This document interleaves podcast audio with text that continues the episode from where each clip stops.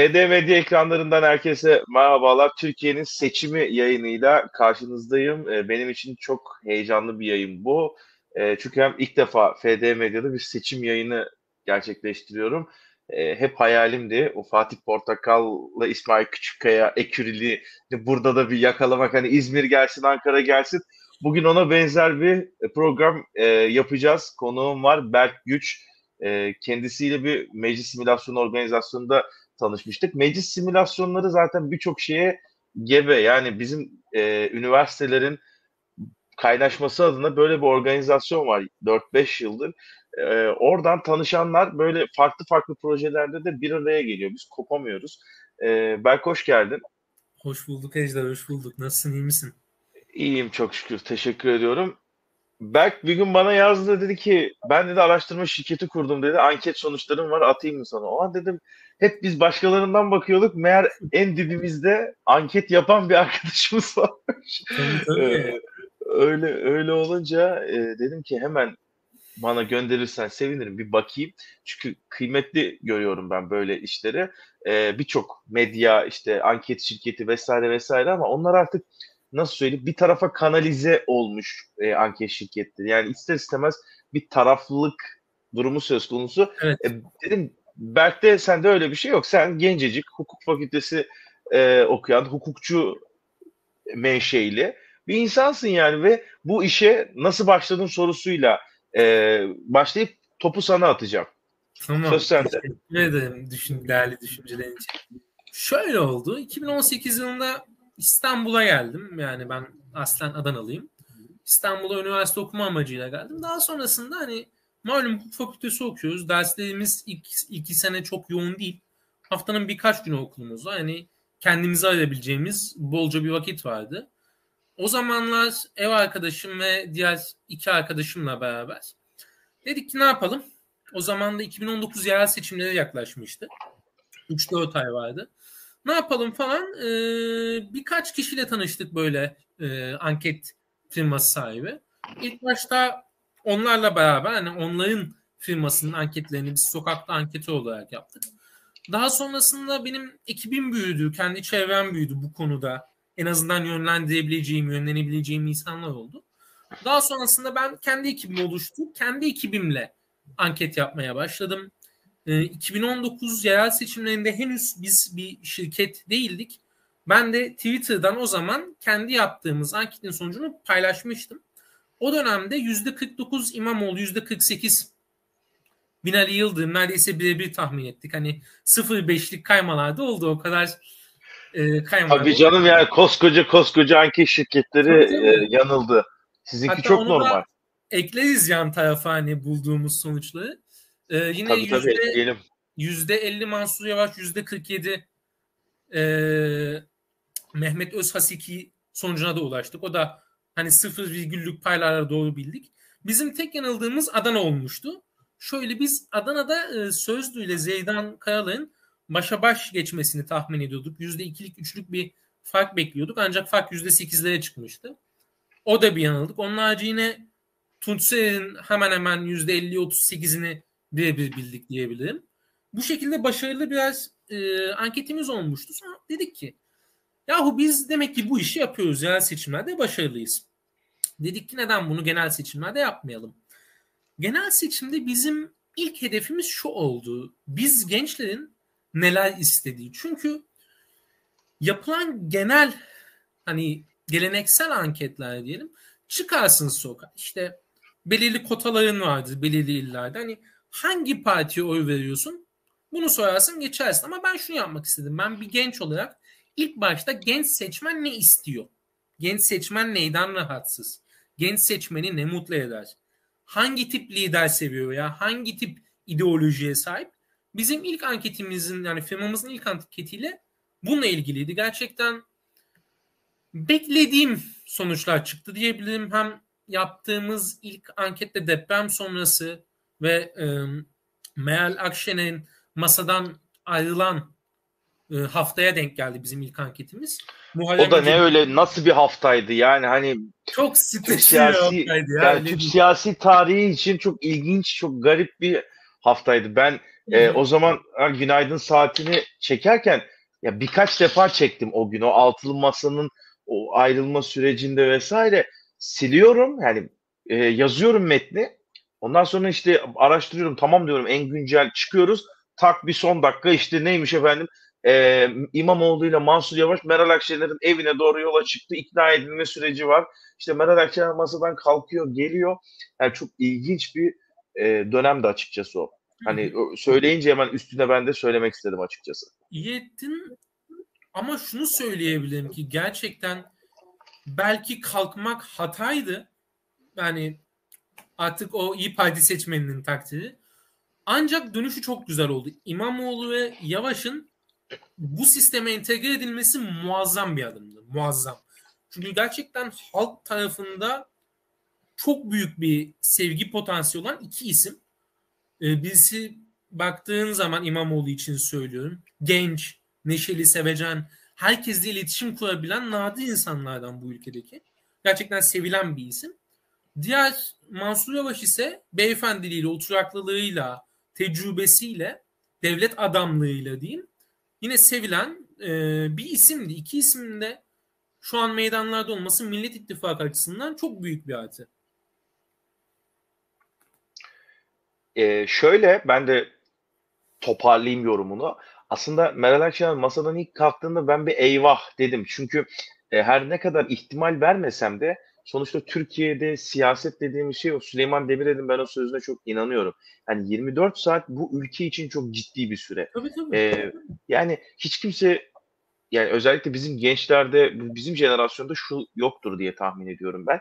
Hani aman işte e, bir insana sadık kalayım, o bizi satmaz, o bizim fikirlerimize sadık kalır gibi güncel literatürde artık böyle bir şey yok. Yani e, siyasette devletlerin menfaatleri gibi nasıl uluslararası devletlerin menfaatleri olmaz. Ben partilerin de e, bu süreçte özellikle ittifakları da konuşacağız.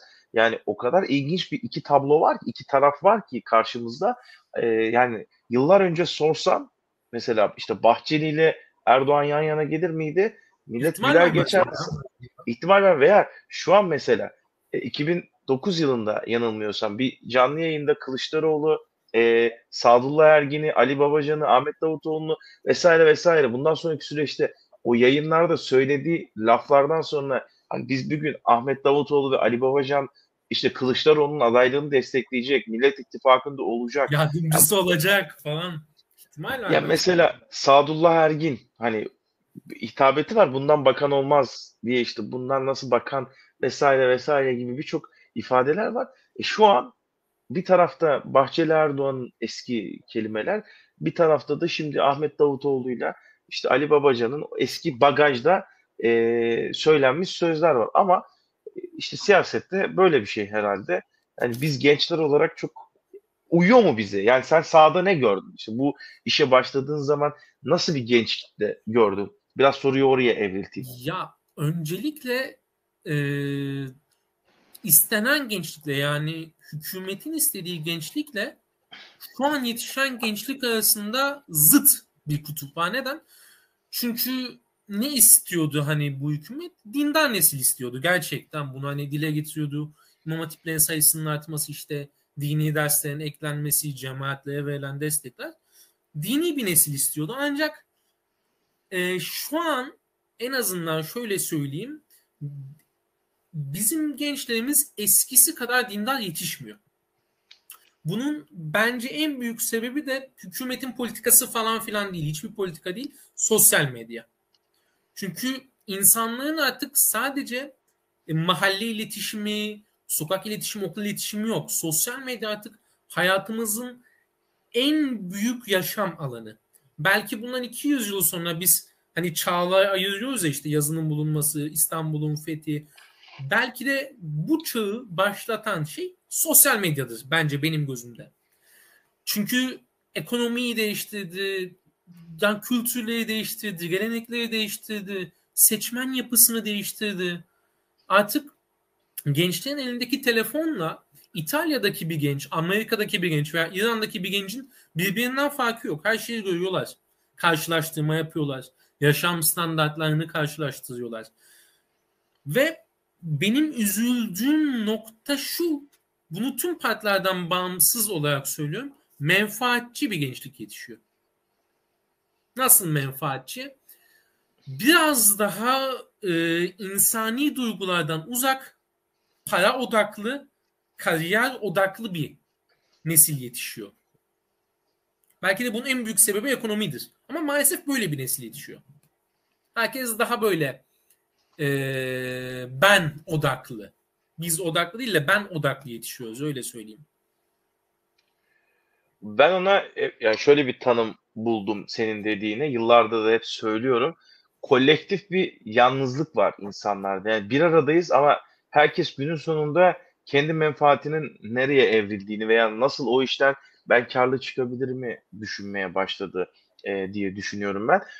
İnsanlar peki bunu düşünmekte haksızlar mı sorusu sorulduğunda da bence e, böyle çok kolay haksızlar diyemiyorum. Çünkü öyle bir nesil var ki şu an bundan 10 yıl önceki 15 yıl önceki nesil asgari ücretle çalıştık veya asgari ücretin biraz üstünde çalıştığı maaşıyla ev alabilmiş, araba alabilmiş, işte ne bileyim refah seviyesinde yaşamış. Hani hep bize anlatılan bir hikaye var ya işte biz yağ kuyruklarında bekledik. O yani bu eskiden satıyordu bu cümle. Bu e, destansı geliyordu. Ya diyorduk ya nasıl olabilir? Mesela ben küçükken bana şey demişlerdi. Bu 2008 krizinde o zaman unutmuyorum rahmetli dedem harçlık verirdi bana. Derdi ki Fatih kriz var çok büyük. Dede derdim nasıl? Derdi ki Çin'de asgari ücretin saati bir dolar. İnsanları bir dolara çalıştırıyorlar derdi. Ya şimdi bakınca az kaldı. Türkiye ya Türkiye'de mesela şu an bir dolar 20 TL. Ee, hani hemen hemen denkleşti zaten günlük çalışma saatinin miktarıyla. Yani ben şey diyordum ya kriz olduğunda ne oluyor? İşte insan o zaman hayal edemiyor ama şimdi kanlı canlı e, gerçekten o insanlar dalga geçiyor işte soğan fiyatıdır, o fiyatıdır, bu fiyatıdır ama ya ben e, iki sene önce, üç sene önce 100 liraya kurduğum sofrayı 1000 liraya kuramıyorum şu an. Yani ya ben köri soslu tavuklu makarna yapıyorum. Hani bunu ben ilk başlarken yaptığım fiyatla şu anki yaptığım fiyat arasında o kadar çok e, fark var ki. Yani insanlar nasıl şey demesin. Hani e, o ben merkezli daha fazla para kazanayım. Çünkü biz Maslow'un en alt piramidine düştük. Biz şu an barınma, beslenme, hayatta kalma mücadelesi veriyor toplumun çoğu. Yani e, Türkiye belki ilk defa bu kadar fark yani seçime giderken bu kadar fakirleşmiş bir şekilde gidiyor. Hani mesela 2018'de onu da konuşacağız. Yani ben şimdi Muharrem İnce sorusunu da soracağım sana ama hani 2018'de Muharrem İnce Erdoğan'a rakipken dolar 20 lira değildi.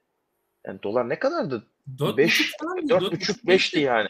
8-10 olur diyordu zaten Muharrem İnce. Eğer seçerseniz diye.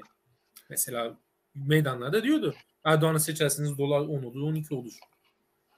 2018 yılında bakıyorum 5 29 seviyesinden tamamlamış Hı-hı. yani ya düşün 2018'de en yüksek yani şöyle düşün 4 katı 4 katı. 4 katı. Yani işte o yüzden bizde bence bir genetik olarak bir çarpılma yaşadı bizim nesil. Çünkü hayal ettiğimiz hiçbir şeyi biz elde edemedik. Bir de yani buyur. 100 yılın tüm felaketlerini yaşadık ya Ejder. Darbe mi dersin? Ekonomik kriz mi dersin? Covid mi dersin? Arda arda iki tane deprem mi dersin? Ben bir de iki depremde de Adana'daydım. Evdeydim. Geçmiş yani her şeyi en korkunç haliyle yaşadık ya. Deprem çok ayrı. Yani bence e, bütün seçim sistemini yani bu siyaseti değiştiren de mitinglerin bu kadar sakin geçmesini mesela çok kısır bir seçim dönemi. Yani ben Türkiye'de hep insanlar şunu söylüyordu. İşte 2022'nin ortasında yani diyorlardı ki işte öyle bir seçim dönemi olacak ki işte Türkiye karışacak, o olacak, bu olacak. Ya şu an seçime 13 gün kaldı. Ya insanlar şu şurada yani. Ya hadi babacığım kimi seçeceksek seçelim de hani e, yolumuza devam edelim. Yani ne bu tantana. Çünkü Türkiye e, şöyle düşün 12 il etkilendi. Bu yani ülkenin onda biri şu anda enkaz altında. Yani hala biz şu anda bütün ana haber bültenleri mitinglere dönse de işte vay efendim Ekrem İmamoğlu Erdoğan'a bunu demiş. Erdoğan'dan şöyle demiş. Ama hala mesela Twitter'da görüyorum. Bölgedeki arkadaşlarımdan haber alıyorum. Enkazlardan maalesef vefat eden vatandaşlarımız çıkartılıyor. Yani e, öyle bir durumdayız ki galiba, galiba bugün de Sayın Cumhurbaşkanı aynen tweet attı. İşte dedi ki deprem bölgesindekilerin unutmamamız gerekiyor. Yani biz unutmayız eyvallah da yani bizim de etimiz ne budumuz ne biz de iyice Maslow'un piramidinin dibine doğru gidiyoruz yani. Ben o yüzden çok ilginç bir seçim bekliyorum. Yani sonuçlar açısından. Ee, ne 2018'e benzeyecek. Ya bir tahminim var ama o çok iddialı. Ben 2002'ye yakın bir sonuç bekliyorum. Hani 3 aşağı 5 yukarı belki o kadar bir fark olmaz ama bir tepki çıkacaktır diye ümit ediyorum yani. Ben yani maalesef böyle beklemiyorum. Gerçekten aldığım sonuçlar da böyle değil Ejder. Abi o zaman güzel sonuç. O zaman ilk böyle yıkıcı sorum gelsin. Herkesin de merak ettiği, tamam. bize de rating kazandıracak bir soru. Seçim ilk turda biter mi? Bitmez. Bitmez. Bitmez yani bitmeyeceğini öngörüyorum. Sonuçlarımız da bitmeyeceğini söylüyor. Ama şu vardı şimdi e, bu genel tüm dünyadaki seçim sistemi için bu şudur. Kazanma ihtimali en yüksek iki adayın son düzlükte oyu her zaman artar. Yani biz bundan sonraki 14 günlük süreçte hem Kılıçdaroğlu'nun oyu artacak hem de Erdoğan'ın oyu artacak. Çünkü vatandaş şunu tercih edecek. Baraj altı kalması muhtemel partileri veyahut ittifak dışı olan partiler veya e, ikinci tura kalmasını planlamadığı adayları kendi bakış açısına göre saf dışı bırakarak iki aday arasında tercih yapacak. Zaten yeni sistem maalesef bunu bize itiyor. Bunu bize dayatıyor. İki aday arasında tercih yap, iki ittifak arasında tercih yap. Gerçi ittifak konusunda şu an üçlü diyebiliriz ittifaka. Üç ittifak var. Muhtemelen üç ittifak evet. temsil edilecek gibi duruyor mecliste. İlk turda bitmesini açıkçası ben beklemiyorum. Sonuçlarımız da başa baş geçtiğini söylüyor. Hani şu anki henüz daha Nisan ayı sonuçlarını yayınlamadık ama hem Recep Tayyip Erdoğan hem de Kemal Kılıçdaroğlu'nun oyu ikisinin de 45-46 bandında. Birbirine çok yakın. Çok az bir oy farkla Kılıçdaroğlu önde gözüküyor. Ama dediğim gibi ikisi de ilk turda kazanmaya uzak. Evet bu da bizim bu senin evet şimdi ben hemen ekrana veriyorum. Bu Mart ayında gençlerin Cumhurbaşkanı adaylarının tercihi. Burada e, 34.9 Kemal Kılıçdaroğlu 26.2 Recep Tayyip Erdoğan. Şimdi benim şunu mu anlıyorum? Senin Nisan ayındaki sonuçlarına göre e, artık tamamen yani bu Sinan Oğan ve Muharrem İnce mesela sen de şu an burası 28.2. Ben Nisan ayındaki bu genç e, arkadaşların tercihinde bu Muharrem İnce mesela şu an ne kadar düşmüş olabilir? Hani çok da... Yaz yazıcı kaybetmişti diyebilirim sana Fatih Ejder diyorsun. Yani yüzde on dört. E, çok yani, ciddi bir düşüş. Yani hani e, o Muharrem İnce'yi ayrı bir bölüm olarak e, soracağım için çok üstünde Hı-hı. durmuyorum. Sinan Oğan'da peki ben artış vardır diye tahmin ediyorum Sinan Artış Oğan'da. var ancak astronomik rakamlarla değil. Hani yüzde lik değil bindelik artışlar diyelim. Anladım. Artış Peki, var. Hani yüzde bir buçuk iki değil de iki buçuk üçe oynuyor artık.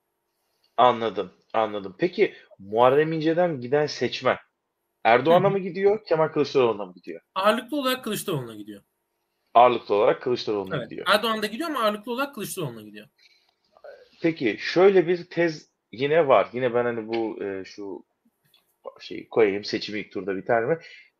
Bütün çoğu anket firmasının artık sen de bizim ülkemizin duayen anket firmalarının inşallah e, ileride birisi olursun. Biz umarım, umarım.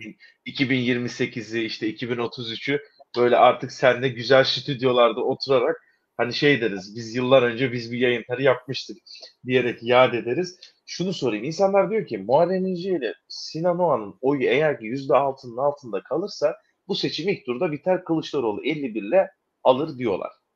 Yani 51 Kılıçdaroğlu. Ee, efendim? Erdoğan'a gitti. 43'te Erdoğan'a gitti yani. Aynen 43'te hani 51 43 ikisinin de oy oranı 6. Altının Şimdi, altında yani işte. Muhalif seçmenin yıllardır unuttuğu bir şey var. Bak ekonomik kriz var. Deprem yaşandı. Covid yaşandı. Tamam. Eyvallah. Gerçekten başka hiçbir ülkede şu an şey konuşulmazdı. İktidar gidecek mi konuşulmazdı. Giderdi. Ancak karşınızdaki figür Recep Tayyip Erdoğan. Kaybettiği seçim yok. kazanma makinesi. Bak tam anlamıyorsun. Kazanma makinesi. Seçim kazanmayı yani evet. çok iyi biliyor. Karşı rakip ise kaybetmeyi çok iyi biliyor.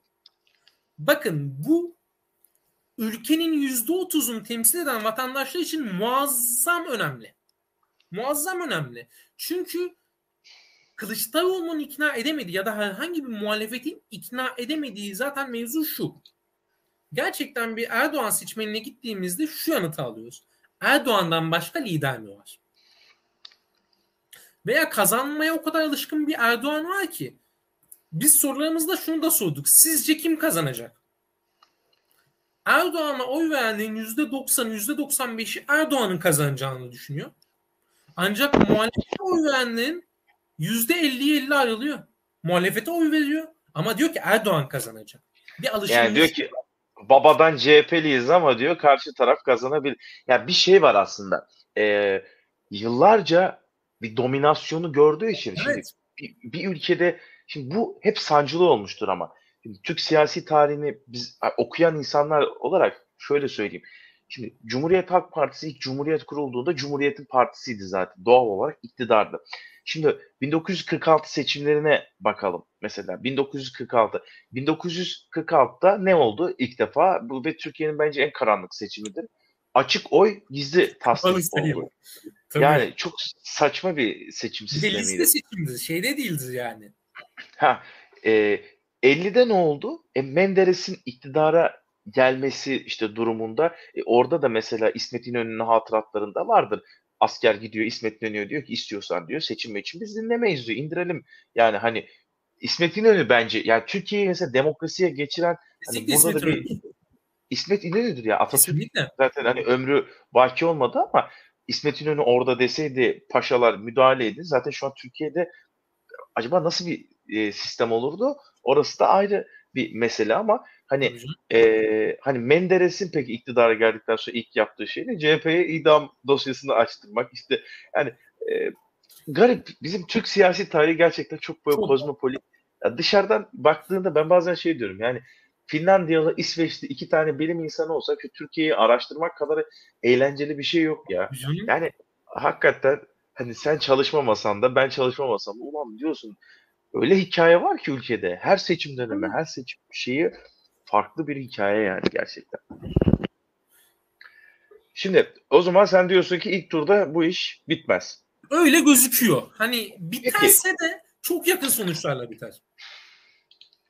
Ee, peki Ekrem İmamoğlu'yla Mansur Yavaş'ın bu ittifaka katılması yani Meral Akşener'le birlikte gerçekten bence geri döndü Muazzam masaya. Masadan götürdüğü kadardan çok daha fazlasını Kesinlikle. geri Kesinlikle getirdi. Kesinlikle ee, yani ben şöyle düşünüyordum. İlk bu formül Twitter'a düştüğünde hatta kulakları çınlasın. Şimdi ismini vermeyeceğim ama Adanalı bir arkadaşımız ee, bana dedi ki ne düşünüyorsun? Dedim ki Ekrem İmamoğlu'yla Karadeniz turu yaparım. Mansur Yavaş'ı İç Anadolu'dan çıkartmam. Aynen. Dedim ki Ekrem İmamoğlu'na biraz daha seküler söylem yüklerim. Mansur Yavaş'a tamamen milliyetçi söylemle o e, CHP'ye uzak aman elimiz nasıl CHP'ye gidecek diyen seçmene ikna etmesini yani bir eğer ki bana sorsalardı ne yapardım Fatih diye bunu yapardım. Aynısını yaptılar. Yani aklın yolu bir burada. Hani bunun için ünlü bir ne bileyim siyaset uzmanı olmaya gerek yok. Öyle ünvanlarda da gözümüz yok zaten. Onu layığıyla temsil eden tabii tabii. Çok Siyaset çok, uzmanımız var sağ olsun. Ülkede bir tane olsun yeter. Siyaset uzmanımız var. Ee, ben şöyle görüyorum. Hani Ekrem İmamoğlu özellikle tam bir miting makinasına dönüşmüş durumda. Yani e, zaten ifadesi de var. Altılı masanın en çok çalışan neferi ben olacağım e, diye bir ifadesi Ve o, var. Yani. Ve o yani adam bir gün bakıyorsun bir yerde, bir gün bakıyorsun başka bir yerde. Hani muazzam bir çar. Hani gerçekten muazzam bir şekilde şu an süreci yürütüyor. Ee, burada peki Ekrem İmamoğlu ve Mansur Yavaş masaya geldikten sonra seçmenin iradesinde bir değişiklik oldu mu? Aa hani Kılıçdaroğlu'na vermeyecektik ama çünkü seçmenin yarısı Ekrem İmamoğlu'nu istiyordu, yarısı Mansur Yavaş istiyordu, bir bölüm Kılıçdaroğlu'nu istiyordu. Aslında masa herkese aday yaptı. Hani Kılıçdaroğlu'nun evet. söylemi doğru. Hani diyor ya çiftçi Hasan da aday, vallahi aday yani. Hani çünkü öyle bir koalisyon koalisyon da demeyeyim de öyle bir birliktelik kuruldu ki yani e, birini seçsen herkes kazanıyor. Kumar gibi. Aslında evet yani e, iyi bir adımdı. Gerçekten İmamoğlu ve Mansur Yavaş hamlesi çok iyi bir adım. Çünkü gerçekten toplumda çok büyük karşıda olan insanlar hani biz şunu soruyorduk. Kim aday olmalı? Hani muhalefetin adayı kim olmalı sorusunda ilk ikideki iki isim. İmamoğlu ve Mansur Yavaş. Kılıçdaroğlu ilk ikide değildi maalesef. Evet o Değil. belliydi zaten. Değildi çünkü e, Kılıçdaroğlu'na o misyonu yükleyemiyorlardı. Hani CHP seçmeni bile İmamoğlu ve Mansur Yavaş'ı daha çok istiyordu. Hani İyi Parti seçmeni, MHP seçmeni daha çok Mansur Yavaş'ı. İşte CHP'nin daha taban seçmeni sola yakın kısımda İmamoğlu'nu daha çok istiyordu. Biz bunu görüyorduk. Ama ne oldu işte HDP'nin biz Mansur Yavaş'ı istemeyiz hamlesi.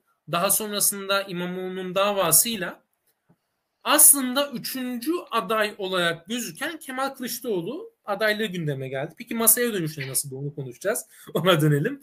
Ee, İmamoğlu gerçekten çok ikna edici bir kuvvet. Hani ben İmamoğlu'nu Mansur Yavaş'tan ayrı tutuyorum. İmamoğlu herkesle iletişim kurabilen, e, entelektüel, çok fazla genel kültür birikimine sahip, gerçekten herkese hitap edebilen bir insan. Çok hazır cevap. Çok hazır cevap. Yani, Bakın çok Türkiye'nin önemli. aradığı bir siyasi figür bu. Çünkü bizim. Yani er, Erdoğan'ın yani veliahtı demeyeyim de gerçekten ben ona bakınca Erdoğan'ı hatırlıyorum yani. Aynısı. Birebir Karadeniz kopyası. yani e, bu şeydi şimdi bir Türkiye'nin duayen siyasetçilerine bakalım. İnönü'yü ve Menderes ayrı tutacağım. Çok fazla siyasi figür yoktu o zamanlara kadar. Hani dört kişiler dediğim o zamana kadar. Mesela Süleyman Demirel'in hazır cevaplığı var İmamoğlu'nda. Tabii. O, o muazzam sivri zekası var. Kesinlikle yani Süleyman Demirel çok ayrı bir insan. E, baktığın zaman Ecevit kadar halkın içine girebiliyor bu insan.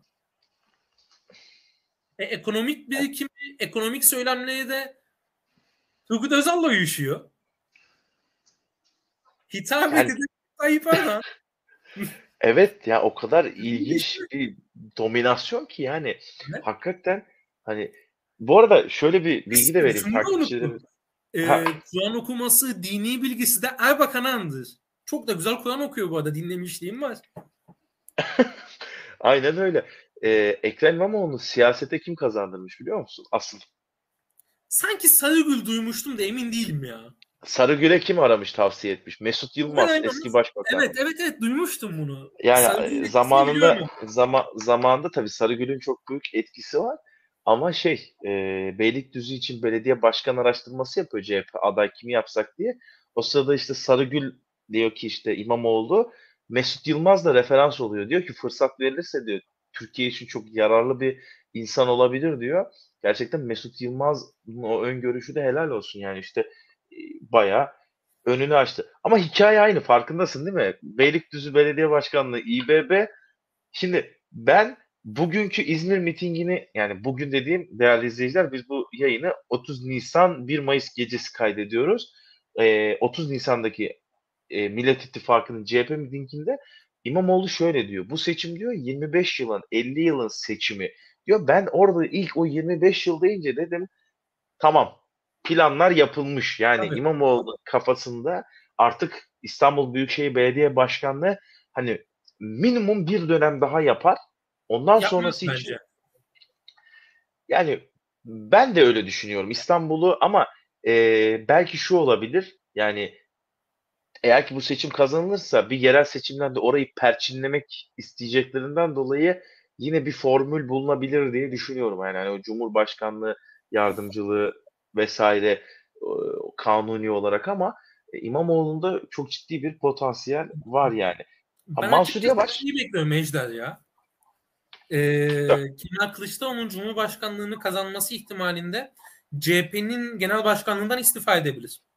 Ben bunu bekliyorum açıkçası onu edecek. Yani onu ede, e, etmezse zaten etmez bence. bu arada da etmesini bekliyorum ben. Ben de etmesini bekliyorum şahsen. Çünkü edeceğini söyledi yani hani ve e, hani nasıl söyleyeyim sana insanların da beklentisi biraz bu yönde. Evet. Ya ben açık söyleyeyim. E, şunu söyleyeyim yani. Eğer ki istifa etmezse e, eleştirdikleri sistemin aynısını yaratmış olacak. olacak bu sefer. Ya ve bu sefer hani inandırıcılığı bunun e, kalmayacak. Ya ben öyle düşünüyorum evet. açıkçası. O zaman güzel. Ekrem İmamoğlu ve Mansur Yavaş da konuştuk. Gelelim e, meclis aritmetiğine. Meclis aritmetiğini ile alakalı bir iki yorumunu alayım. Çünkü meclisi belirleyecek olan belki Türkiye'nin en sağ meclisi oluşabilir bu seçimde. İlk Mükemmel. defa ilk defa sol yani aslında şöyle e, HDP'yi ben sol olarak kabul etmiyorum. Yani o ben, daha, bence sağ HDP. Yani o tamamen ayrı bir e, kısımda kalıyor. E, ilk defa çünkü niye? CHP listelerinde 77 tane DEVA, Gelecek, Saadet, Demokrat Parti'nin adayları var. Ve seçilmesi Meclis... 20 ile 25 arası muhtemel vekil var. Kesinlikle. Sen muhtemel. meclis aritmetiğini nasıl değerlendiriyorsun? Meclis aritmetiğinde 3 ittifak gözüküyor. İşte Cumhur İttifakı, Millet İttifakı ve Emek ve Özgürlük İttifakı şeklinde. Muhtemelen hani üçü de girecek. Yani %99 ihtimalle diyebilirim. Ee, herhangi bir ittifakın tek başına hükümet kurma aritmetiği olmayacak gibi duruyor. Ama Cumhur İttifakı'nın vekil sayısı Millet İttifakı'ndan biraz önde gözüküyor şu an. Hani hem bizim anketlerimizde hem de gerçekten beğendiğim, güvendiğim 3-4 anket firmasının da aynı şekilde benziyor zaten anketlerimiz. Hani Cumhur İttifakı yaklaşık 280, 290, 295 bandında bir milletvekili. Yaklaşık 60 bandında 50-60 bandında bir tip artı YSP Yeşil Sol Parti. Geri kalan 260-250'lik kesimde işte CHP Parti, İyi Parti gibi gözüküyor. Açıkçası bir bağımsız vekil beklemiyorum ben. Çünkü gerçekten ben de beklemiyorum çünkü o kadar güçlü zaten, bir isim herhangi bir bölgede. Evet. Evet evet evet yani olabilirdi belki o da adaylığını koymadı yani yani e, adaylığını koymadı derken şey yapmadı. Bağımsız milletvekili adayı değil. Belki Kim dedim? Duymadım. Hüseyin Baş. Tek ihtimal ha, evet. O da adaylığını o koymadı. da o da gerçekten bence hani bilmiyorum nasıl bir içgüdüyle önce milletvekili listelerini çıkarttılar. Hani yayınladılar. Sonra dediler ki biz geri çekiliyoruz. Hani çok büyük bir özveri biliyor musun? Çok büyük. Kesinlikle yani düşünsene. Ali hani, aynı şekilde çok büyük bir özveri gördük. Çok büyük. Büyük kesinlikle yani büyük bir potansiyelim var. Hüseyin Baş en azından hani biz küçümsüyor belki insanlar. Ya diyor Hüseyin Baş kim ama şimdi o insanın ulaştığı kitle belki yüzde bir, bir buçuk yani e, kitlesi var bunun. Hani oy verir Ay, vermez. Hani Haydar Baş'tan şey... gelen bir kitlesi var. Tek başına bir kitlesi değil. E, kesinlikle. E, bir de babasının oğlu mantığı var. Bir de şu var. E, insanlarda Muhsin Yazıcıoğlu'nun rahmetlinin sözü aklıma geliyor. Bizi hep el bebek gül bebek olarak sevip sarmalıyorlar ama sandığa gelince iş hani yüzde biri geçemiyoruz. Öyle. Hep ona da aynı aynı mantık e, Hüseyin başta da var. Ama helal olsun. Gerçekten eğer ki seçimi Millet İttifakı kazanırsa yazılacak hani o şampiyonluk hikayeleri olur ya takımlar tamamen bence Mustafa Sarıgül'le birlikte e, Hüseyin, Hüseyin Baş da yani, orada yazılacak yani. Ben yani, ben hala neden Millet İttifakı'nda yani alınmadığı o kafamda hala benim yani niye almadılar? Çok büyük bir soru işareti yani. yani. aslında bu konuda e, Hüseyin Baş'ın bir tweet'i var. Yedili masa olur mu diye. Şey demiş denedim olmuyor arkadaşlar. Denedi. Konuşuldu. Masaya gelmesi konuşuldu. Ee, bence masa hani Halil İbrahim sofrası deyiminden sonra Akşener'in konuşmasından bir gün sonra Ali İbrahim sofrası dedi ya Kılıçdaroğlu. Bence o günden sonra altılı masa çoklu masaya evrilmeliydi. Ne demek bu? Zafer Partisi'ne, Adalet Partisi'ne, Memleket Partisi'ne, Değişim Parti'ne, TDP'ye, işte Hüseyin Baş'a bir teklif götürülmeliydi. Bence. O gün tüm muhalefet birleşmeliydi bence. Ya ben şöyle düşünüyorum. Ee, bu yani DEVA Gelecek Saadet Demokrat Parti. Şimdi şu dört partiye baktığımda adım gibi eminim ki zaten e, bu bilinen de bir şey. Ali Babacan'dan kaynaklandığını düşünüyorum. Yani çünkü zaten bu İmamoğlu ile Mansur Yavaş'ın da Cumhurbaşkanı yardımcılığı formülüne karşı çıktı. Red vermiş, evet. E, red verdi. Kurmaylarıyla bir buçuk saat, iki saat yakın bir toplantı sonucunda ikna oldu Ali Babacan.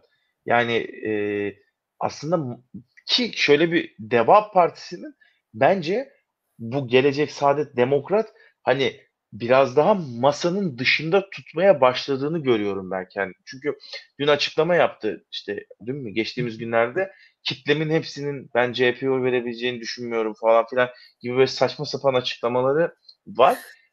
Burada beni şaşırtan şu oldu. Ahmet Davutoğlu'na çok şaşırdım. Ben Ahmet Davutoğlu'ndan bu kadar yapıcı bir şey beklemiyordum yani. Hani burada gerçekten herhalde akademisyen... Ben açıkçası biliyor musun Ejder?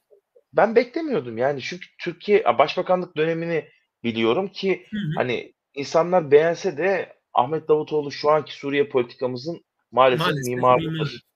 Bak aynı anda söyledik maalesef mimarı. Maalesef mimarı yani e, ama helal olsun dedim yani artık akademisyen hocalık tutmuş herhalde Ahmet Davutoğlu'nda. Oturdu valla. Gerçi masa öyle bir masa ki yani Temel Karamollaoğlu 82 yaşında hani Ahmet Davutoğlu ben bazen şey diyorum hani millet soruyor ya işte altılı masa toplantısı niye 7-8 saat sürüyor. Abi Temel Karamollaoğlu Ahmet Davutoğlu bir konuşmaya başlasa zaten hani garibim Kılıçdaroğlu bir şey diyemez zaten ona oradan. Yani hani Meral Akşener de döner. Hani böyle dinlerler. Hani çünkü masada gerçekten ben sana söylüyorum o altılı masada e, bu siyaset yapamazlar anlamında değil. Naiflik anlamında hepsi birbirinden naif. Evet evet. Yani bir tane belki e, en sert ona... ya öyle diyeyim. En sert Güntekin... O da hanımefendi Meral Mami diyorlar yani. Kesinlikle. Güntekin Onay diyecektim bir anda. Güntekin Uysal vallahi vallahi vallahi billahi Güntekin Onay diyecektim. Yani belki en hani serti böyle e, bağırdığında çağırdığında hani Gültekin Uysal ama çok ilginç yani Türkiye'nin gelecek yani Cumhuriyet'in de ikinci yüzyılına girdiğimiz bu günlerde e, ilginç bir Türkiye şeması bizleri bekliyor. Yani Deva, Gelecek, Saadet, Demokrat bunlar ne olacak? Ha, ki bana kalsa bana kalsa yine en sağlam liman Saadet Partisi olur. Çünkü 2018'den beri beraberler. Ya burada şunu düşünüyorum aslında. Ee, bir yorum var. Hani Saadet'in seçmeni Saadet Partisi hayatta hani düşünsene CHP ile yan yana gelmez. Ya geldiler geçmişte. Geldi canım. Ecevit Erbakan. Ecevit Erbakan koalisyonunda ama şimdi oradan buraya geçtiğinde yani son 20 yıla baktığında hani kimse şunu demez yani 2018 yılı gelecek de Saadet Partisi işte ittifaka girecek. Bu arada İstanbul'u e, İmamoğlu'nun kazanmasında Saadet'in etkisi büyüktür. Çok dik durdu. Çok dik durdu. Yani ikinci seçimde, seçimde aday, adayını çekti. Tabii 23 Haziran'da seçimde adayını çekseydi hani insanlar evet. yani yine bence İmamoğlu kazanırdı yine ama kazanırdı ama dik durmaktan en azından %2 %2'dir ya Ejder. Kesinlikle yani hani o, o konuda baktığımızda ben Saadet Partisi'ne çok takdir ediyorum ve ikinci olarak aslında Saadet Partisi bu ülkeye şunu gösterdi. Bir kandil gecesinde Saadet Partisi Genel Merkezi'nde Atatürk e, posterinin önünde Cumhurbaşkanı adayı açıkladı. Bir evet, Alevi bir Cumhurbaşkanı adayı üstelik. Ve Alevi bir hani şu cümleye hani öyle İnanmazsın ya belki. Ha, İki yıl önce inan, söylesen inanmazsın. Hani inanmazsın yani Saadet Partisi'nin önünde ve insanlar orada hani e, Mustafa Kemal Paşa sloganları attı. Ya bence gerçekten Türkiye'nin belli konularda ben iyileşmeye başlayacağını düşünüyorum. Kavga olur mu? Olur. Ne bir tartışmalar olur mu? Olur. Ama Türkiye'nin buna tekrardan alışması lazım. Biz yani evet. devlet böyle yönetilir zaten. Hani e, Mansur Yavaş'ın ben oradaki ifadesine çok katılıyorum açıkçası. Hani şey diyor bizim diyor devletin bazı politikaları vardır. O değişmez. O kim gelirse gelsin devam eder. Ama ondan sonrasında e, bu ülke zaten hep e, böyle yönetilmiş yani.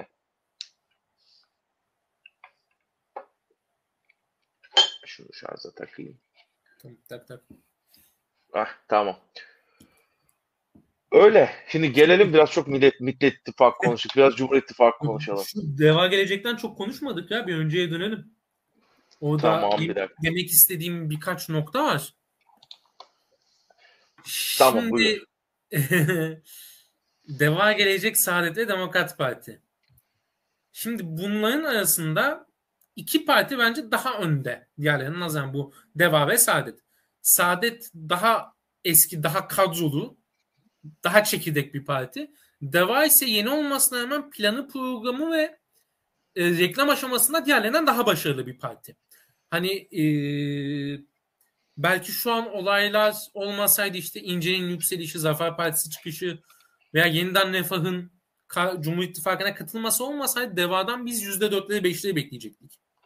Ama Deva'dan oy bölüne bölüne bölüne gerçekten %1 rakamlara indi. Hatta ilk başta anketlerde kendileri de görüyordu %4'leri 5'leri. Ee, bir açıklaması oldu bir yıl önce Ali Babacan işte kendi partimizde, kendi logomuzla, kendi parti ismimizde seçimlere gireceğiz diye. Ama tabii görünen köy kılavuz istemedi. Ben bir... inanmamıştım. ben inanmıştım aslında biliyor musun? Şu olurdu. ee, Muharrem İnce'nin yani yeniden Refah'ın bu yükselişi olmasaydı işte Milli Yol Partisi Büyük Birlik şu an yükseldi garip bir şekilde. Bunlar yükselmeseydi Deva Gelecek Saadet Demokrat Parti sadece Deva çatısı altından girebilirdi. Öyle bir formül de konuşuldu bu arada. Yani geçen sene geçen sene konuşuldu. Eki şöyle bir şey de var. Ali Babacan'la Ahmet Davutoğlu'nun aslında birlikte parti kuracağı ama ondan sonra anlaşamaması. Bence aslında ikisinin ben bir parti kurmasından daha taraftardım. Yani çok ayrı görüşte değiller. Yani Ali Babacan biraz daha ekonomik olarak liberal kafada. Hı hı. Ali Babacan zaten... geleneksel Ali, e, Ahmet Davutoğlu Ali Babacan'a nazaran. Ya ama anlaşılabilirdi. Kaç tane bakanlık var. Yani hani geleneksel tutup ben de mesela deva gelecek ikisi birbirinin copy paste'i sadece belli görüşlerinin farklı olduğu ama aynı istikamette giden ki öyle yani buna kimse evet, evet. Hani, o yani şimdi insanlarda şu var e, bizim halkımız yani hepimiz daha doğrusu bir unutma çabamız var. İşte kötü günleri yaşadıklarımızı ama yani şu bir gerçek e, ki bunu bence herkes söylüyor. X kişisi de olsun, Y kişisi de olsun sonuçta Ali Babacan ve Ahmet Davutoğlu Türk siyasetinde şu an eğer ki iktid- e, Millet İttifakı seçimi kazanırsa hem sağda hem solda iktidar olan ilk iki insan olacak. Yani hmm. ve o kadar ilginçtir ki e, şöyle bir yorum duydum ben arkadaşımdan. Abi dedi biz bunları Yüce Divanı gitmesini beklerken bir anda Cumhurbaşkanı yardımcısı olarak hani önümüze düştüler mantığı oldu. Şimdi Sayın Ejder açıkçası hem sahada gördüğümüz hem de biraz kendi yorumumu katarak söyleyeyim. Deva gelecek sadece bu dört parti seçimi kazandırmaktan çok kaybettirebilir muhalefete. Bu çok tehlikeli bir durum. Ne demek bu? Şu an Ata İttifakı'nın ve Memleket Partisi'nin en büyük argümanı bu dört partinin CHP'li hareket etmesi. Çok çok büyük bir argüman. İşte Sadullah Ergin'in adaylığı. Hani bu dört parti bence zaten CHP listesinden girmemeliydi. Bence İyi Parti listesinden girmeliydi. Ama Sebebi... Meral Akşener'in orada reddettiğini gördük ve ben şöyle bir kuliste duydum. Yani ki bu doğru bence. Ali Babacan CHP listelerinden ya bence bütün olay Ali Babacan'da. Yani bu çünkü her nokta oraya çıkıyor. Bak bir kere Ahmet Davutoğlu'nu duymadık. Ben şey diyordum. Yani bu masa sıkıntıya girerse Ahmet Davutoğlu herhalde. Çünkü çok konuşuyor. Abi mevzular açık mikrofonda gördük biz. Yani öyle bir anlatıyor ki. Yani konuş konuş konuş. Emevilerden giriyor, Abbasilerden çıkıyor. Bir soru hiçbir sordu. Hiçbir sonuca ulaşamıyorsun. Yani, yani hiçbir, hiçbir cevabı da duyamıyorsun. Ya, klasik klasik bizim maalesef ki e, akademik problemler yani o oradan gelen sıkıntılar. Ama e, bu arada mesela listeler açıklamadan Saadet Partisi'nin e, de böyle bir teklif oldu. Saadet olarak biz girelim seçime logomuzda deva gelecek demokrat bizden girsin dediler. E, Ali Babacan onu da kabul etmedi. Yani ya şöyle bir şey var. Bir gün gerçekten Ali Babacan'la denk gelirsen soracağım. Yani her şeyi size atıyorlar. Yani neden acaba? Yani niye? E, ateş olmayan yerden duman çıkar mı? Bence çıkmaz. Türk siyasetinde ne zaman bir şey konuşulsa o gerçekleşiyor açıkçası. E, ama çok ilginç. Haklısın. Ben de senin görüşündeyim. Ya, Muharrem İnce'nin şu söylemine katılıyorum. Hani yiğidi öldür hakkını yeme. 15 Mayıs'ta eğer ki işte Millet İttifakı istediği şekilde meclis aritmetiğini oluşturursa seçilen 30-33 vekil olmasını bekliyorlar maksimum. Bunlar istifa edecekler. Yani CHP'nin sandalye sayısı belki bir anda düşecek. E, CHP belki üçüncü parti olacak yani. Üçüncü parti olur büyük ihtimalle. Olmaz. Yaklaşır. Ama olmaz. Ama risk. Yani risk. belli de olmaz. Ya mesela insanlar İyi Parti oyları düştü diyorlar da ben bunu da pek e, şey yapmıyorum. Yine İyi Parti düşüş koruyacak. Var ama çok değil. Var düşüş. Var. Ya geri hala bence 14 günde geri dönülemeyecek bir düşüş yok. Yani şu an tabii yine 30 Nisan gecesi olarak düşünelim. Seyirciler bunu izlediğinde seçimlere 11 gün kalmış olacak ama e, yine de bilmiyorum. Meral Akşener iyi toparladı. Toparladı toparladı. Zaten şu e, açıkçası İyi Parti'nin liste şeyi güzeldi. Listeleri güzel İyi Parti'nin. İyi Parti'de CHP... tek falso var bence. Ordu birinci sıra. Şahin mi? İdris Naim Şahin. Evet. Bence gerek evet. yoktu yani. E, İstanbul Ama... adayları çok iyi. Ankara adayları çok iyi. Kesinlikle. kesinlikle. Çok güzel bir liste. Ee, CHP'nin de hani kendi adayları diyeyim kontenjan ayırdıkları hariç adayları da yine iyi. Güzel bir e, sistem. Tepki çeken Eren Erdem, Kemal Özkiraz, Sezgin Tanrıkulu gibi isimler saf dışı bırakılmış. Ya ki şöyle bir şey var. Sezgin Sezgin Tanrıkulu'yla alakalı benim aldığım kulis bilgisi şu yöndeydi. Yani demişler ki hadi git sürekli yani İstanbul e, CHP il örgütü bunu herhalde istememiş. Benim ilk iyi gençlik kollarında olan arkadaşlarım var. Yani dediler ki hani çünkü Sezgin Tanrıkulu çok farklı bir figür yani ve e, çok CHP'ye hitap eden bir figür değil ve İstanbul'da banko vekil. Demişler ki madem hani bu kadar ideolojin var hadi bakalım Diyarbakır'dan dene şansını. Ki hani bence de iyi etmişler. Ben tebrik ettim yani gerçekten görünce listeleri. Yani mesela Eren Erdem'dir, Kemal Özkiraz'dır. Yani bunlar zaten olsaydı e, seçmendeki o motivasyon daha Düşer. da düşerdi. Tabii canım yani çünkü klişe o nasıl söyleyeyim eski CHP'yi andıran insanlar. Hani ben şey merak ediyorum. biliyor musun? Eski Vallahi. CHP yani eskice yeni CHP daha mı iyi oldu eskiden? Katılmıyorum. Yeni hali iyi de değil.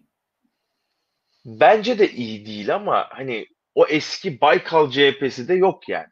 Küçük Baykal CHP'siyle yani o bahsedilen bizim. Küçük Baykal CHP'siyle şu anki CHP arasında ideolojik fark var. Zaten Kesinlikle. Eski, eski Baykal CHP'sini özleyenlerin birçoğu CHP'nin hala oy vermesinin sebebi şu. Henüz CH yani Atatürkçü ideolojide barajı geçebilecek kadrolu, projeli başka bir parti yok. Bak, evet. Muharrem İnce'nin çıkışı çok sevindirdi ulusalcı, ulusalcıları. Eski CHP'lileri diyeyim. Ancak Kesinlikle. kadrosu yok ki İnce'nin. Barajı geçme ihtimali çok düşük. Çok düşük. Ve hani şu olmuyor mu? Bir parti belki şu an bir CHP'li seçmenin çok daha başka hoşuna gidiyor. Mesela Türkiye Değişim Partisi çok hoşuna gidebilir bir CHP'li seçmenin. Ama oy verirken %7 barajı var bu ülkede ittifakta yoksa. İttifak dahi olsa liste seçimi var. Hani baraj altı kalacak partilerin seçmenleri şu an belirli partilerde toplanmış durumda. Mesela düşünsenize tipe oy verecek bir gencin e, ittifaksız tipe oy verme ihtimali nedir? Yok sıfır. Yok, çok az. O da hani partinin kendi kadrosu verir. Hani böyle. Gerçekten baraj ihtimali olan, barajı geçme ihtimali olan partiler yükseliştedir her zaman. Yani şu anda da mesela e, ben mesela Emek ve Özgürlük İttifakı'nda da çok ilginç. Yani onlar evet. da zoraki bir ittifak bence orası da. Bir, yani evet aslında ideolojik olarak çok yakın değiller birbirlerine. Ya mesela e, geçen Ahmet Şık bayağı eleştirildi. Tabii Selahattin Demirtaş'a eleştiri yöneltti. Selahattin Demirtaş yani, onlara yöneltti. Mesela Ahmet Şık da Türkiye'deki çok ilginç bir figür. Evet. Yani adam her dönemde bir bir yerde kendini bir konumlandırma bulabilen bir isim. Mesela şöyle düşün. Eğer ki ki bence seçilecek zaten kesin yerden konuldu. Hasan Cemal meclisin en yaşlı sıfatıyla meclisi açacak e, Yeşil Sol Parti'den Hasan Cemal zamanın AK Partilisi. yani hani çok ilginç yani. Sana şunu söyleyeyim Ejder. Şu an Millet İttifakı'nda AKP kurucusu daha fazla. Cumhur İttifakı'nda. ben, ben sana nasıl bir bilgi vereyim ya? Abdülatif Şener, Ali Babacan, belki kısmen Abdullah Gül. Meral Akşener. Meral Akşener'e teklif Akşener, Akşener'de birkaç ay kaldı da. Yani, yani çok değişik bir seçim ya. Vallahi yani çok merak ediyorum. Yani bizim açımızdan da bazen şey diyorum yani 23-24 yaşındaki bir genç nesil olarak bu kadar şey yaşamayı hak ettik mi? Hak etmiyor. Ya ben şunu şimdi şunu merak ediyorum. Şimdi biz daha mesleklerimizin baharındayız. Genç insanlarız. Önümüzde yani yaşayacak bir hayat var. En azından tecrübe kazanacağımız yıllar var. Ya şunu diyorum. Acaba 50 yıla geldiğimizde biz herhalde ansiklopediyi yazarız abi. Darbesiydi, seçimiydi, ikinci turuydu, o suydu, bu suydu. Yani o kadar garip bir süreç ki. Bak, ya sana... şunu ben yurt dışındaki arkadaşlarıma anlattığımda ya da ne bileyim işte görüyoruz zaten. Adamın umurunda değil ki biz tekel bayisinin birliğinin başkanını bile tanıyoruz ya. Özgür Akbaş mıydı? Özgür Aybaş mıydı? Aybaş. Öyle bir şey. Aday hatta. O da o da aday. Evet, tipten aday. Tip Ankara'ydı sanırım. Ankara tip Ankara'dan aday, evet, evet, evet. Yanlış hatırlamıyorsam. Yani e, hiçbir ülkede, hiçbir genç bu kadar siyasetin içinde değil biliyor musun? Hiçbir ülkede.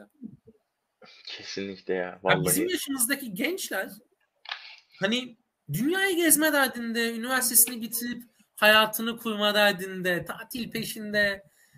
Ama biz her gün siyaset konuşuyoruz. Siyaset konuşmak da zorundayız çünkü şaka bir yana 2023 seçimini gençler belirliyor. Evet. Gerçekten biz belirliyoruz yani. Yahu şu e, konuşulur mu ya? Bizim yaşımızdaki bir genç şunu konuşmamalı. İstanbul ikinci bölgede belki İYİ Parti üçüncü sıra milletvekili adayı 5000 oyla seçilecek ve bunun için arkadaşlarımıza haber veriyoruz ya.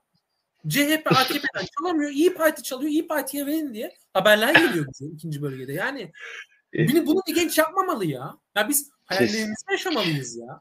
Kesinlikle, kesinlikle. Yani ben düşününce e, bu don sistemini öğrenmesi insanların işte yüzde kaç ya bu sadece bu arada şey değil. Ben her şeye rağmen e, Süleyman Seba'nın bir lafı var. Şimdi hazır Beşiktaş Galatasaray'ı da yendiği gece yayın yapıyoruz. hani ne kadar şey varsa yuttuk. Yeter ki Beşiktaş'ı üzmesinler diyor. Ben de yani yeter ki Türkiye üzülmesin mantığıyla. Demokrasi Türkiye'de e, hep bir nadide çiçek olarak kalacak yani rahmetli bir andın da tabiriyle heyecanlı yani bu seçim süreçlerini takip etmek bir şeylerin olması bu sadece hani bir parti ayrımı yapmadan sonuçta herkes bir şeyi düşünüyor veriyor yani siyaset yapış tarzları tabi durum onu farklılaştırıyor ama yani yine de e, insanların bu kadar kutuplaştığı bu kadar derin analiz yaptığı ben ilk defa böyle bir seçim evet, görüyorum evet. yani ilk defa bu kadar yoktu. Yani ne 2018 hani aklım yettiği ya gerçi ben küçüklüğümden beri hatırlarım yani ne var ne yok çok takip ediyordum çünkü. ilk defa bu kadar ilginç bir seçime ya, gidiyoruz. Ben artık şeyim Ejder yani artık büyüklerim bana şey demesin biz zorluk gördük biz işte çok zorluk çektik. Hayır en büyük zorluğu Z kuşağı çekti. Yahu siz zamanınızda bir memur maaşıyla aile geçindirip ev, araba, yazlık alıyordunuz ya. Daha ötesi var mı? Bedava evler aldınız, bedava arabalar aldınız. Ortaokul mezunu, bak ortaokul mezunusun ya. Ortaokul mezunusun, belediyede, devlette giremeyeceğin iş yok. Şimdi üniversite okuyorsun, yüksek lisans yapıyorsun, yetmiyor ya, yetmiyor.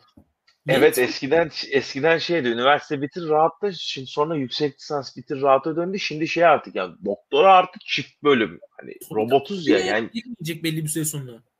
E, tabii canım yani Çünkü hiçbir şey hiçbir sistem şey yani artık niteliksiz üniversiteler dolu niteliksiz ya niteliksiz bölümler niteliksiz üniversiteler sadece insanların hayatını dört yıl eteliyor erteliyor şu an çoğu bölüm, çoğu üniversite. Kesinlikle, kesinlikle. Kontenjanın ihtiyacının olanın 10 katını alıyorsun. Öyle işte. Yani işte üzücü, üzücü. Ee, buradan hemen şeye geçmek istiyorum ben. Cumhur İttifakı'na e, uzun zaman sonra galiba ilk defa sadece Cumhur İttifakı'nın bileşenleri Cumhurbaşkanı Erdoğan'ı desteklemek için bir arada. Çünkü ne bir çarşaf liste yaptılar ne bir fermuar liste var. Tamamen ayrı söylemler, bir Hüdapar krizi var. Ee, burada yani sen sahada ne görüyorsun Cumhur İttifakı ile alakalı? Ya Cumhur İttifakı'nda yeniden refahı tutup artık AKP ve MHP'nin hemen hemen kemik kitlesi kaldı. Hemen hemen. Hani artık şunu diyebiliyoruz. Bu seçimde AKP 30'un altına inmez. MHP 5'in altına inmez. İnmez. Çünkü kemik kitlesi kaldı artık. İnmiyor. İnmiyor. 3 lirayı gördüğü zaman o adam basacak. Ampulü gördüğü zaman basacak. İndiremezsin. Bak karşıya da kim gelirse gelsin indiremez bu parti oranlarını şu an. Gerçekten. Bu şey gibi yani anadan doğma babadan doğma yedi kuşak CHP'li ile aynı mantık. Aynı yani. aynı. Parti oliganlığı. Kesinlikle. Bence çok zararlı. CHP için de zararlı. MHP için de AK Parti için de. Çünkü ama AK Parti ve MHP'nin şöyle bir şeyi var. Daha sağ, daha geleneksel parti olduğu için liderci partiler bunlar. Başındaki lider istifa ettiği zaman veya kaybettiği zaman çok çabuk dağılabilen partiler ama CHP daha e, sistem partisi. Gelenekli partisi evet. Evet. Daha sistem partisi yani Cumhur İttifakı'nın şöyle garip bir yönü var. E, hiçbir parti birbiriyle uyuşmuyor. DSP ile MHP uyuşmuyor. Hüdapar'la MHP uyuşmuyor. Yani çok ilginçtir. Ee, insanlar yıllarca şunun üstünden siyaset yapıldı değil mi? 28 Şubat görüntüleri üstünden siyaset yapıldı. 28 Şubat'ta iktidarda olan DSP ve MHP şu an Cumhur İttifakı'nda. Evet. Şu an sana bir şey söyleyeyim mi? Bunu sokakta sorsak inanmazlar ha. İnanmazlar ya, inanmazlar. O, o kadar o kadar paralel bir tarih yazıldı ki. Evet. Yani çok yani, acı. Cumhur İttifakı e, MHP seçmeni aslında ikna olabilseydi AK Parti listelerinden seçime girmeye Cumhur İttifakı meclis çoğunluğunu alırdı. Yani ama o, o da o da bence hani olmazdı. Bahçeli'nin aynen yani Bahçeli kabul etmezdi bunu diye yani, düşünmekteyim. Bahçeli kabul etse bile MHP seçmeni sandıkta üçlerle basmak ister, görmek ister üçlerle. Kesinlikle. İkna edemezdin sen onu. Bir kısmı en azından hemen hemen yarısını AK Parti'ye basmaya ikna edemezdin. Aslında bu e, avantajıymış gibi hani AK Parti'nin fikri oydu. Cumhur İttifakı tek bir listede seçime girip gerekirse yüzde kırkla hani yüzde kırk bile alsa yüzde altmış bile kaybetse dehonttan dolayı birinci olmak, hükümeti kurabilmekti. Ama MHP'nin bu hamlesi diğer partilerin de CHP listelerinden girmesi ters etki yaptı. Yani hiç beklemedik. Aslında de. evet. Peki değiştir, değiştirmeseydik de derler yani şu an sorsan. O seçim sistemi biraz yanlış bir siyasi hesap oldu. Yani tutmadı. Evet, evet. Ya, tabii göreceğiz bunu sandıkta ama tutmadı yani bence. Tutmayacak gibi de yani ben e, 300 milletvekilini beklemiyorum herhangi bir ittifaktan. Herhangi bir ittifaktan. Ya, ama bunu yaklaşan taraf Cumhur İttifakı olacak gibi. Ya ben orada öyle düşünüyorum ama e, şu da var bence.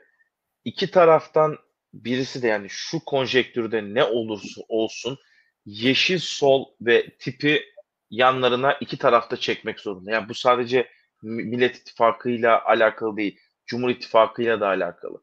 Çünkü öyle bir alan açıldı ki hani Millet İttifakı ile Cumhur İttifakı birbiriyle uğraşırken biz aslında bir Türkiye İşçi Partisi diye bir 2023 yılının Türkiye İşçi Partisi'ni doğurduk.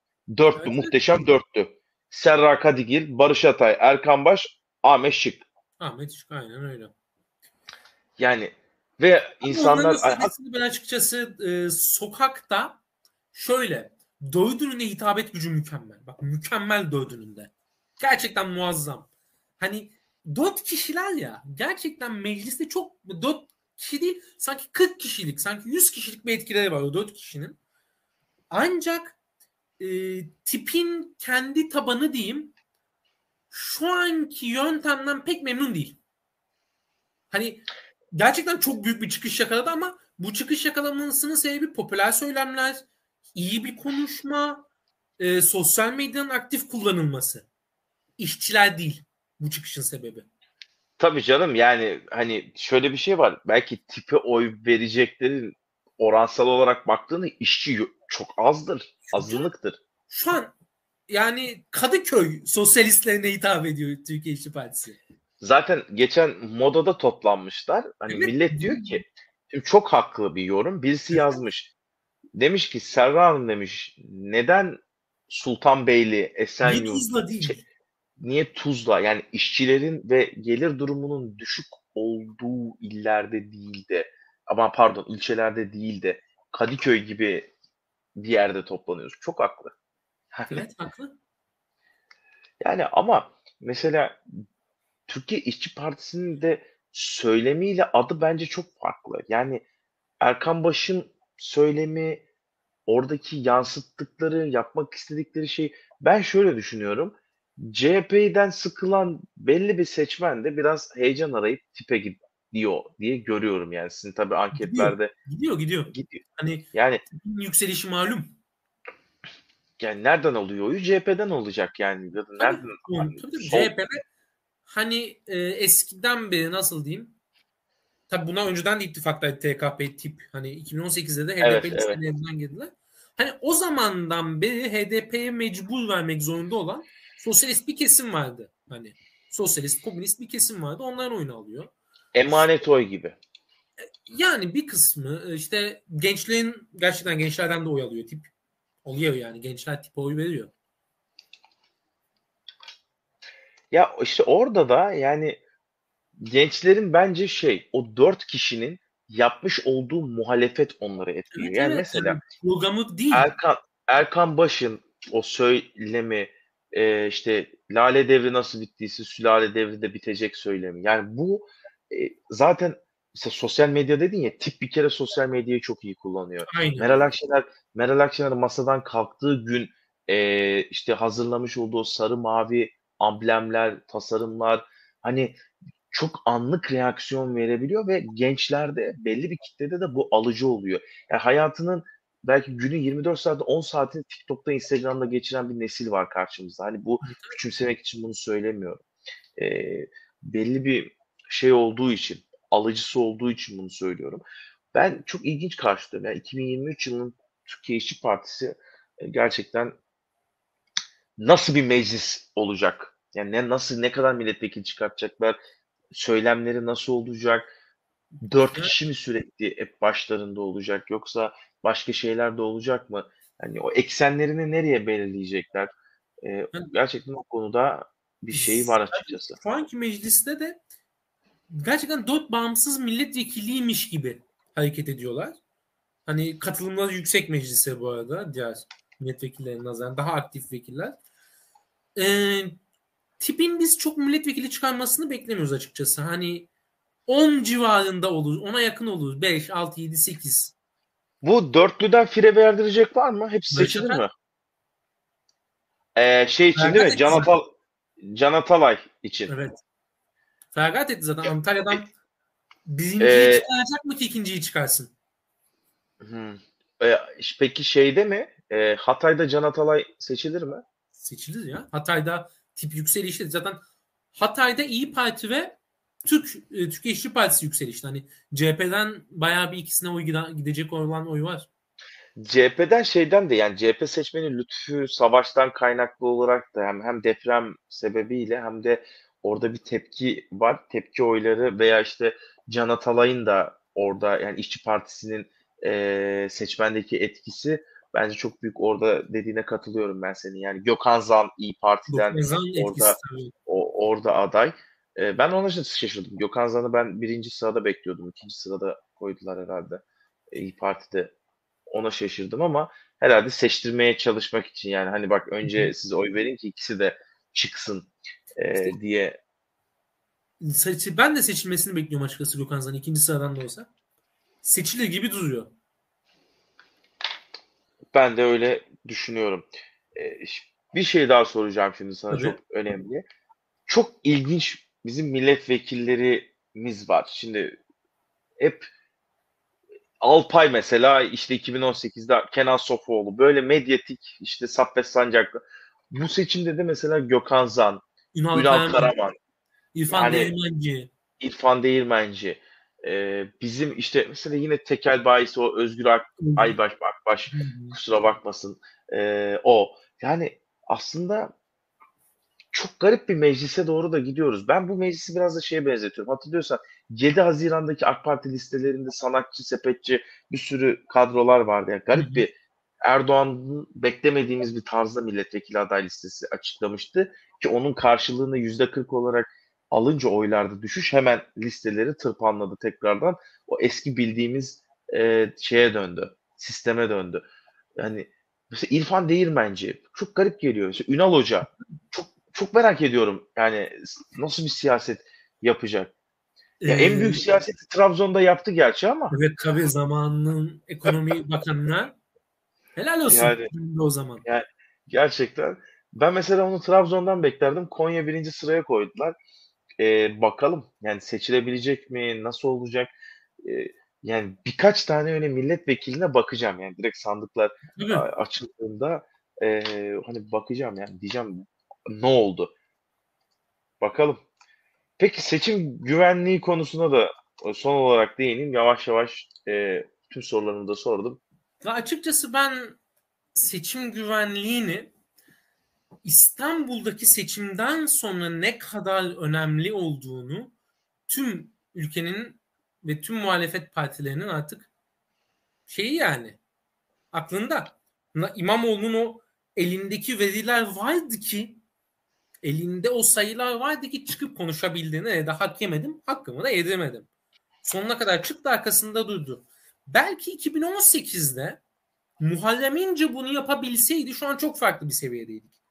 Onun için e, seçim güvenliği önemli ancak Cumhuriyet Halk Partisi'nin seçim güvenliğiyle hmm, Onur adı güzeli bırakması ne kadar doğru onu bilmiyorum. Çünkü 2018'de de yine Onur adı güzel değildi bu görev.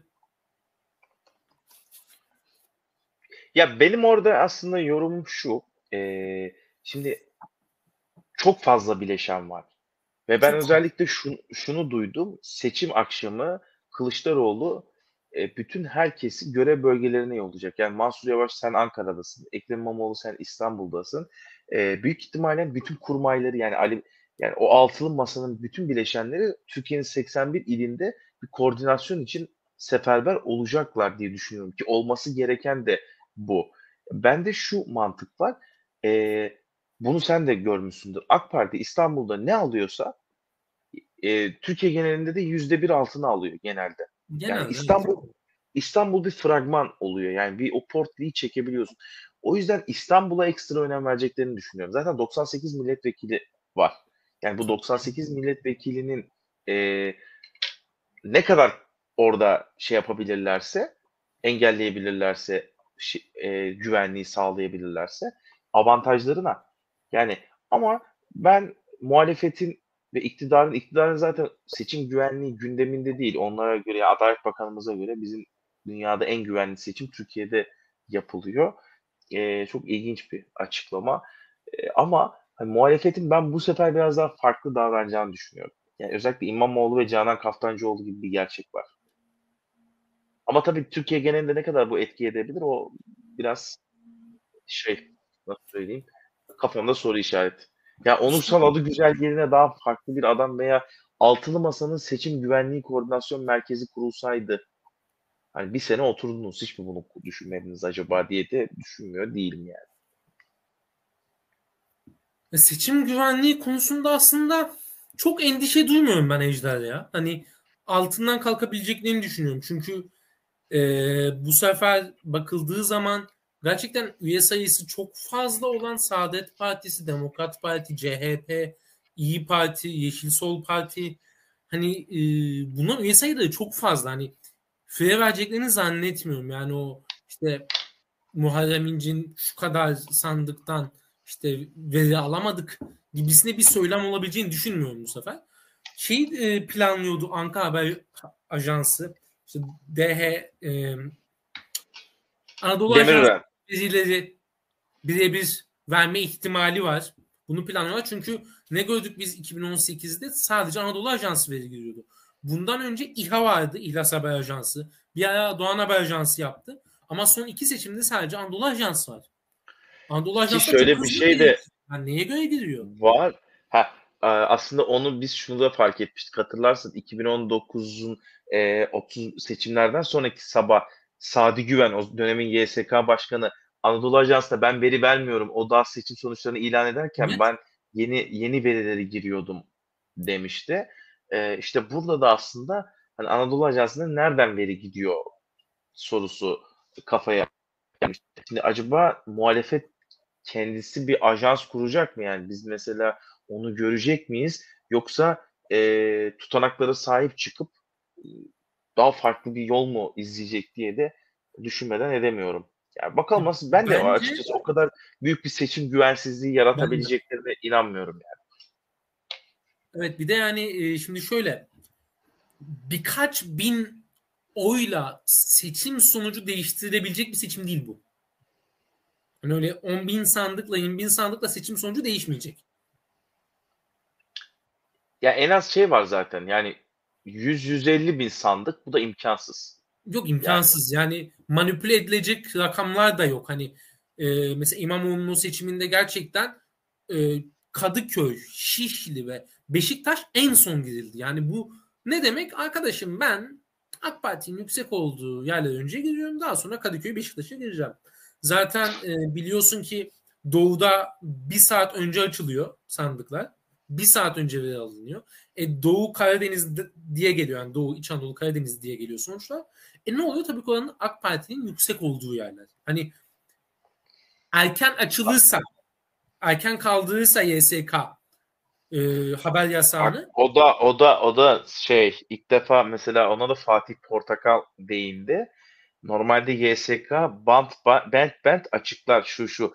Evet, Bu evet. seferki açıkladığı açıkladığı şeyde sadece tek cümle var mesela ne zaman seçim e, yasaklarını kaldıracağı belli değil. Türkiye için o da ilginç. Yani ben şunu da bekliyorum. Kaldırmaya da bilir 12'ye kadar. Türkiye yani hakkı var çünkü ve kimse konuşamaz. Evet. Birisi de yani, göze, göze alır her şeyi açıklar. Yani işte o zaman da çok ilginç yani gerçekten ben e, çok merak ediyorum yani. Şöyle düşün iki hafta sonra şu saatlerde bizim Türkiye'nin tablosu yani belli olmuş oluyor yani Tabii. çok ilginç. Ona da bir program yaparız ya bakalım tutturabilmiş miyiz diye. Daha doğrusu Tabii. demeyeyim bunlar bizim tahminimiz değil. Biz analizciyiz. Sahada gördüklerimizi kağıda döküyoruz. Kesinlikle. Rakama döküyoruz. Sadece. Kesinlikle. Bir bakarız neler konuşmuşuz, neler evet, evet. E, gelmişiz. E, şimdi üçüncü bir ittifak, Ata İttifakı, Zafer Hı. Partisi. Önce dediler ki adayımız bizim Muharrem İnce olacak. İşte memlekette ittifak yapıyoruz. Sonra Muharrem İnce WhatsApp grubundan ayrıldı. E, ondan sonra Sinan Oğan'ı aday göstermeden önce e, Zafer Mansur Partisi gidildi. Mansur Yavaş'a gidildi. O da olmadı. En sonunda Sinan Oğan aday olarak çıkartıldı.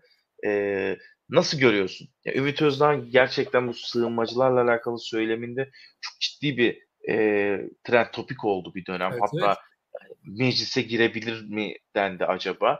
Ama ondan sonra o da ya saman alevi demek ayıp olur ama saman bitti yani. Alevi değil de şimdi e, bunu ben hem İnci için hem de Ümit Özdağ için söyleyeceğim iki aday içinde. Her iki aday da yani hem Muharrem İnce hem de Ümit Özdağ muhalefetin içinden çıkmış insanlar. Sen muhalefetin içinden çıkıyorsan muhtemel oyların eski partinden ayrılacak insanlar. Muhtemel oyların. Ve sen e, çıkış yaptığın zaman iktidarı eleştirirken yakaladığın o oy potansiyelini İkisi de muhalefete eleştirerek geri tepti. Muhalefete muhalefetlik yaparsan henüz yeni çıkan bir parti için seçmen acımaz. Acımadı da. Evet. Biz acımadı da. %5-6 bulunan Zafer Partisi oldu yani. %5-6 bulduğumuz. Tabii canım. Zafer Partisi ya, anketleri var. %7-8 bulduğumuz Memleket Partisi anketleri var. Bence Zafer Partisi'ndeki en büyük problem şu oldu. Ümit Özdağ'ın ee, hareketleri oldu azın, gerçekten. Davranışları ben, oldu ben azınlık partisi olarak kalmak istiyorum dedi Ümit Özdağ. Yani e, dedi ki bana Türkçüler oy versin, bana aşırı milliyetçiler oy versin. Evet, evet. Ben hani kendi alanını daralttı. Yani mesela işte ben senin oyuna talip değilim. Sen bana gelme. Sen şunu bu seçmende çok ciddi en başta sempati yaratsa da daha sonra şu oldu. Ee, bu her ne kadar sağ seçmende biz gözlemlesek de bunu sol seçmende de aynısı var. Sağ seçmen şu vardır. Kafası karışıktır. AK Parti'ye vermek istemez veya MHP'ye vermek istemez. Ya şu, sandığa gittiğinde şunu der. Şimdi ben başka partiye versem oy boşa gidecek. Hı hı. Vereyim. Aynısı da burada oldu. Yani muhalif seçmen bir an bir sendeledi. Dedi ki acaba Ümit Özdağ olur mu olmaz mı? Ondan sonra baktı dedi ki olmaz. Olmaz. Peki dedi. şunu sorayım. Zafer Partisi ile Memleket Partisi ittifakta kalsaydı yani Ata İttifakı, Memleket, Zafer ortak aday yine Muharrem İnce olsaydı Hı. daha farklı bir etki çıkar mıydı ortaya? Ee, çok değişmezdi. Muharrem İnce ne alacaksa bir puan fazlasını alırdı. Çünkü Muharrem İnce de henüz Türk milliyetçilerini temsil edebilen tam bir aday değil yani. Hani Sinan Oğan'la Muharrem İnce arasında çok ciddi bir profil farkı var. Çok ciddi hem de. Hani ikisi de farklı yön aday. İkisinin çıkması bence daha iyi oldu onların adına.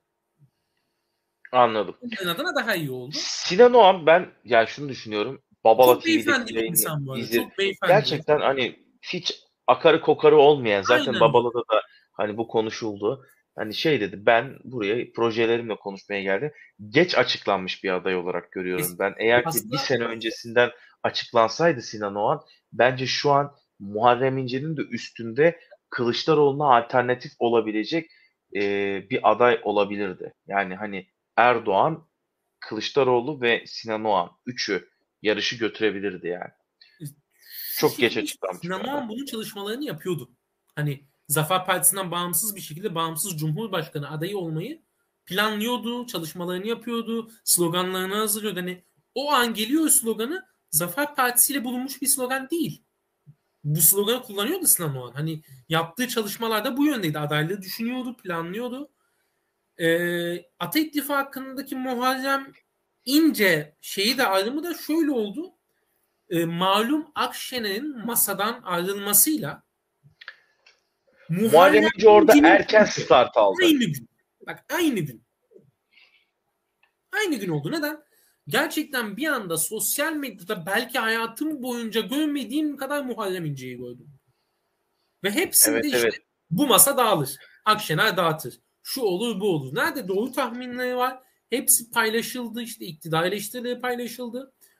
Ve gerçekten genç seçmen de arkasından geldi Muharrem İnce'nin. Geldi. E bu genç seçmen nerenin seçmeni? Muhalif seçmen. Sen de gittin daha önce CHP'ye oy vermiş, İyi Parti'ye oy vermiş ve senden daha yüksek bir oy potansiyeli olan partileri karşına aldın. Bunu yapmasaydı tek karşısı yani sadece AK Parti'ye muhalefet etseydi belki şu an Memleket Partisi barajı geçiyordu. Belki biz ikinci tur anketini İnce için yapıyorduk. Çünkü Akşener'in o çıkışıyla İyi Partililerin ben aynı gün %50'sinden şunu duydum. Kılıçdaroğlu kendini dayatıyorsa bizim seçimimiz ince. Akşener'den bağımsız bunu dediler. Ama öyle bir o şey oldu ki hem Akşener masaya döndü hem İyi Parti seçmeni Mansur Yavaş ve Ekrem İmamoğlu tabii. yani e, aslında kopan seçmen daha güçlü bir şekilde hı hı. E, Kılıçdaroğlu'na döndü ve hani ben şunu düşünüyorum. Şunu düşünüyorlardır. Ya biz ulan nasıl düşündük hani Muharrem İnce'yi? Çünkü bildiğin gitgide kendini bitiren bir siyasetçi görüyoruz. Ya 2018'deki Muharrem İnce ile şu anki Muharrem İnce'yi yan yana koy birbirleriyle kavga ederler. Birbirleriyle yani, kavga ederler. Yani biz yani, e, Mart'ın başından beri düzenli bir düşüş görüyoruz Muharrem İnce'de. Yani e, sadece bizim yaptığımız değil, diğer benim güvendiğim anket şirketlerine de baktığımda her geçen gün oyunu azaltan bir Muharrem İnce var. Oysa ki ben her zaman şunu savunuyorum. Türkiye ağzı iyi laf yapana, hidabeti iyi olana oy verir. Muharrem İnce 2018'de e, partisinden daha yüksek oy almasının sebebi bu hitabeti çok iyiydi. Seçim performansı çok iyiydi. Muharrem İnce'den yine bu beklenirken yahu acaba CHP seçmenini, İyi Parti seçmenini ikna edebilir mi derken kendi seçmenini ikna edemediğini gördük. Çok kavgaya tutuştu. Yani Muhar- Muharrem İnce sosyal medyayı çok dikkate aldı e, her söylenene cevap vermeye çalıştı. Sürekli tweet atıyor. Yani Türkiye bunu sevmez. Türkiye'de siyasetçi mesela şu olur. Tweet atarsın, kaçarsın, gündemi sen yaratırsın. Bak Erdoğan'a tweet atıyor bitti. Ondan sonra birine cevap veriyor mu? Vermez. Ha gerçi kıyaslama ne kadar doğru tartışılır ama devlet aklı yani halk seni biraz ulaşılmaz olarak görüyor. Erdoğan niye popüler şu anda? Ulaşılmaz olduğu için. Tabii. Yani hep bir uzun adam, işte reis, işte büyük lider. Misyon veriyor. Tabii. Şimdi mesela e, e tabii yani şu an bu durum böyle. Ama Muharrem İnce de yani bildiğin Jahreyn gibi tweet atıyor sürekli. Onu yapalım, bunu yapalım, öyle. Yani o biraz onu e, etkilemiş durumda olarak ben görüyorum. Erdoğan için ne diyorsun? Ee, Yılların... Hakkında şunu da konuşalım ha, istedim. Evet şey onu da söyleyelim. Ee, oy bölüyor mu? Ha, evet en Aslında önemli soru. Oy bölüyor mu? Şimdi şöyle e, eğer ki Erdoğan Kılıçdaroğlu'nun önünde bitirirse ilk turu oy bölmüş olacak. Ama muhalefetin lehine bölmüş olacak. Eğer ki Kılıçdaroğlu e, Recep Tayyip Erdoğan önünde bitirirse ve gerçekten %50'yi çok az kalmasına rağmen kazanamamışsa bu sefer muhalefetin oyunu bölmüş olacak. Yani stratejik aslında İnce'nin adaylığı. Bir yönden şunu diyebilirsin. Seçimi ikinci turda muhalefet kazanıyorsa İnce aday olsun. Ama ilk turda Kılıçdaroğlu %50'yi alıyordu da ince bölüyorsa işte o zaman ince bölüyor. Yani kime göre neye göre böldüğü önemli. Direkt bölüyor diyemeyiz. Ya kesinlikle. Bir de şimdi şöyle bir şey var. Aslında ilk aday açıklandığında eğer ki bu iki turlu bir seçime gitseydi yani Erdoğan, Kılıçdaroğlu Kılıçdaroğlu kendisini anlatmak için çok daha fazla efor sarf etmesi lazımdı. Şu an biraz da şöyle oldu. Muharrem İnce'nin oy böldüğünü düşünen muhalif seçmen Kılıçdaroğlu'na kırgın olsa da orada kaldı. Evet evet evet. Yani hani oldu. Yani orada da aslında AK Parti'nin sürekli yaptığı seçmeni konsolide etmeyi Kılıçdaroğlu ve Millet İttifakı da Muharrem İnce üstünden bir noktada yaptı ve yapıyor. Ha tabii oturulur eğrisi doğrusu tartışılır. Söylemleri ki bana göre söylemleri de çok ciddi farklılıklar var. 2018'i ve 2023 evet. koyalım buraya. Biraz ee, sağ kaymış e, bir söylemi var ya. Evet ya biraz popülist bir söylem var. Yani, yani e, hani orayı denedik, beceremedik biraz da burayı deneyelim. yani birisine bakıp sen FETÖ'cüsün, sen şucusun, burcusun. Bir tarafta PKK var, bir tarafta iki tarafta da PKK. Yani bu söylemler yakışmıyor. Hani gerçekten Muharrem İnce'ye ben çok büyük saygı duyuyorum. Hala da duyuyorum. Yakıştıramıyorum Muharrem İnce'ye bu tür söylemleri. Kırıcı söylemleri. Ya gerçekten ikinci turda iki tarafında birbirine ihtiyacı olacak. Olacak. Olacak. Yani İnce'nin şöyle bir etkisi var. Onu da ek- ekleyeyim. İnce ve Sinan Oğan'ın adaylığı katılımı çok yükseltecek. Yani belki Türkiye tarihinin en büyük katılımı seçimlerden birisini görebiliriz. Çünkü sandığa küskün seçmen, CHP'ye küskün seçmen İnce'ye verecek. MHP İyi Parti'ye küskün seçmen Zafer'e Ata İttifakı'na verecek. Yani aslında aynı şekilde küskün sosyalistleri de tipe yönlendirecek bir seçim var. Deprem olan 12 il harici katılımı çok yüksek bekliyorum ben. Ben de sana orada katılıyorum. İki, şöyle bir şey de var. Ee, bu konuyu dediğin için hemen oraya geleceğim. Yurt dışında katılımla alakalı bir araştırma yaptım. Yurt dışında da çok ciddi bir oy kullanma durumu söz konusu. Yani, evet evet. Yani katılım ve insanlardan şöyle geri dönüt alıyorum. Sonuçlar beklediğiniz gibi gelmeyecek. Yani burada da uç seçmen, aşırı muhalif ve aşırı sosyalist işte e, yaşayan insanlar sandığa gidiyorlar diye bir e, tutum söz konusu. Hazır oradan konu açıldı hemen geçelim. Yurt dışındaki vatandaşların oy kullanması meselesine nasıl bakıyorsun? Saha nasıl bakıyor? Hmm, şöyle gençlerin büyük bir çoğunluğu neden gençler diye alıyorum? Ee, şunu söylüyorlar. Yahu benim yaşadığım ülkede, benim hayallerimin olduğu ülkede, benim geleceğimin olduğu ülkede bu ülkede yaşamayan insanlar benim geleceğimi etki etmemeli. Sonuna kadar da katılıyorum son bir yıl içinde bakacaksın iki yıl içinde ne kadar giriş çıkış yapmış ya bu ülke. Ülkede yaşamıyor. Ülkenin sorunlarıyla alakadar değil. Sadece vatandaş diye bu oy kullanılma hakkının verilmesi bence yanlış. Ben Çünkü de şöyle... yaşam buranın çilesini bilmiyor ama buranın geleceğine yön veriyor. İyi veya kötü hangi tarafa verirse versin oyu. Ya burada şunu düşünüyorum ben ve hatta zaten görüyorsun.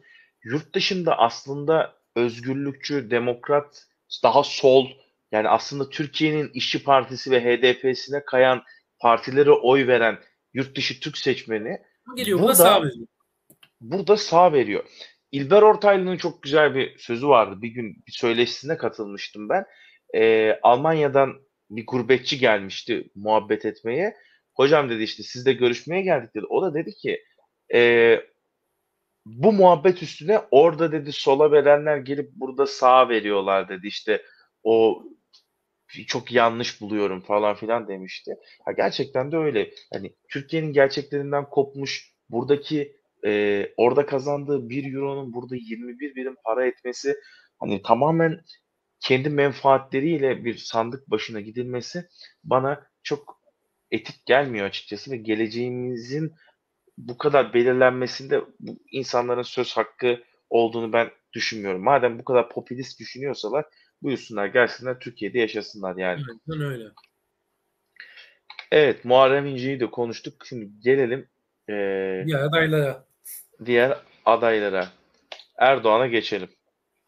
Konuşması belki de en zor olan aday. Evet en zor olan aday. Şöyle Erdoğan bu sefer eskisi kadar bildiğimiz Erdoğan değil. Eskisi kadar şey yok. E, sahada yine sert ama eskisi kadar meeting sayısı fazla değil farkındaysan. Çok fazla meeting sayısı yapmıyor. Ee, ve gerçekten mesela dün İzmir mitingini gördüm. Bayağı kalabalıktı. Ben beklemiyordum açıkçası o kadar. Yine hala Erdoğan arkasında duran gerçekten büyük bir seçmen var. Ee, TOK üretilmesi ve ardından bu doğalgaz çıkışı da anketlere bir artı puan olarak yazıyor Erdoğan'a. Yani bir bu ikisinin bir artı iki puanı getirdi gibi. Şu kararsız olan seçmen hani baktı işte doğal gazımı yakıyorum. Şu arabamız çıktı sanki. Hani araba çıktı da kaç kişi kullanıyor şu an? Ya alabilecek misin? Yani ama işte Erdoğan bu seçim zamanı propaganda işini biliyor. Biliyor yani. Ne yapacağını biliyor. Bilinen Kesinlikle. yöntemler, hesaplanan yöntemler. Yani e, seçim zamanı oyunu yükseltebilen bir aday. Hani bundan biz 3 ay önce 5 ay önce ne buluyorsak şu an hani depremle şu an arasında bir %5'lik fark var ya. Çok ciddi bir fark var. %5 arttırdı Erdoğan puanlarını. Çünkü bunun o şok, aslında... şokla bir düştü oylar ama evet. ondan sonra diyorsun tekrardan Abi, geri geldi. Toparlamasının yani... tek başına Erdoğan'ın çabası da değil muhalefetin çabası da. muhalefet yani ben şunu diyordum yani gerçekten muhalefet büyük bir hata yapmadığı sürece yani bir hata yapmadığı sürece gerekirse hiç konuşmasın, hiçbirisi konuşmasın seçimi kazanır. Ama bazıları muhalefetin içinden bazı konuşup hata yapmayı tercih etti. Bir ara çok saçmaladılar. Yani iki tarafta bir ara çok saçmaladı. Yani zaten orada da git gel e, süreçleri oldu. Ya ben de ilk defa uzun zaman sonra Erdoğan artık e, evet hala sahada, hala konuşuyor, anlatıyor eski ama gücü yok ama. Eski heyecan o mitingde mikrofonu eline alıp o bütün sahneyi bir baskı altına alıp işte o sesi titreyen, o tizleşen bir Erdoğan figürü yok artık. Yani e, yaş ilginç garip Güzel. tabii yaşlılık, rahatsızlıklar. Kaç hani geldi? kaç yaşına geldi, kaç seçime girdi. Kaç seçim Bakalım kazandı, kaç seçime girdi yani. Kolay değil. aynen, aynen öyle. Ee, çok ilginç yani orada yani Cumhur İttifakı cephesinden de e, hani ilginç bir tablo. Yani evet. nasıl bir tablo çıkacak bekliyoruz Öyle söyleyeyim bak. İyi bir yani iyi bir AK Parti performansı, iyi bir Recep Tayyip Erdoğan performansı olsaydı bak 2015'te daha önceki 2011'de AK Parti hep tek başınaydı. Hep tek başına %50'yi geçiyordu ya. Tek başına geçiyordu %50'yi. Mecliste tek başına alıyordu. Cumhurbaşkanlığında tek başına iki kez kazandı. Tek başına bak ikinci bir parti olmadan. Ne oldu? Geldik 2018'e MHP ile beraber olarak Cumhurbaşkanlığını seçti. Şimdi MHP de yetmiyor. Hüdapar, Demokratik Sol Parti, işte yeniden Refah Partisi gibi figürlere ihtiyaç duyuyorlar. Yine anketlerimizde %50'yi ilk turda bulamıyor Erdoğan. Çünkü gerçekten muhalefet ne kadar bölündüyse iktidar da o kadar bölündü. Bölündü yani. Bu bir gerçek.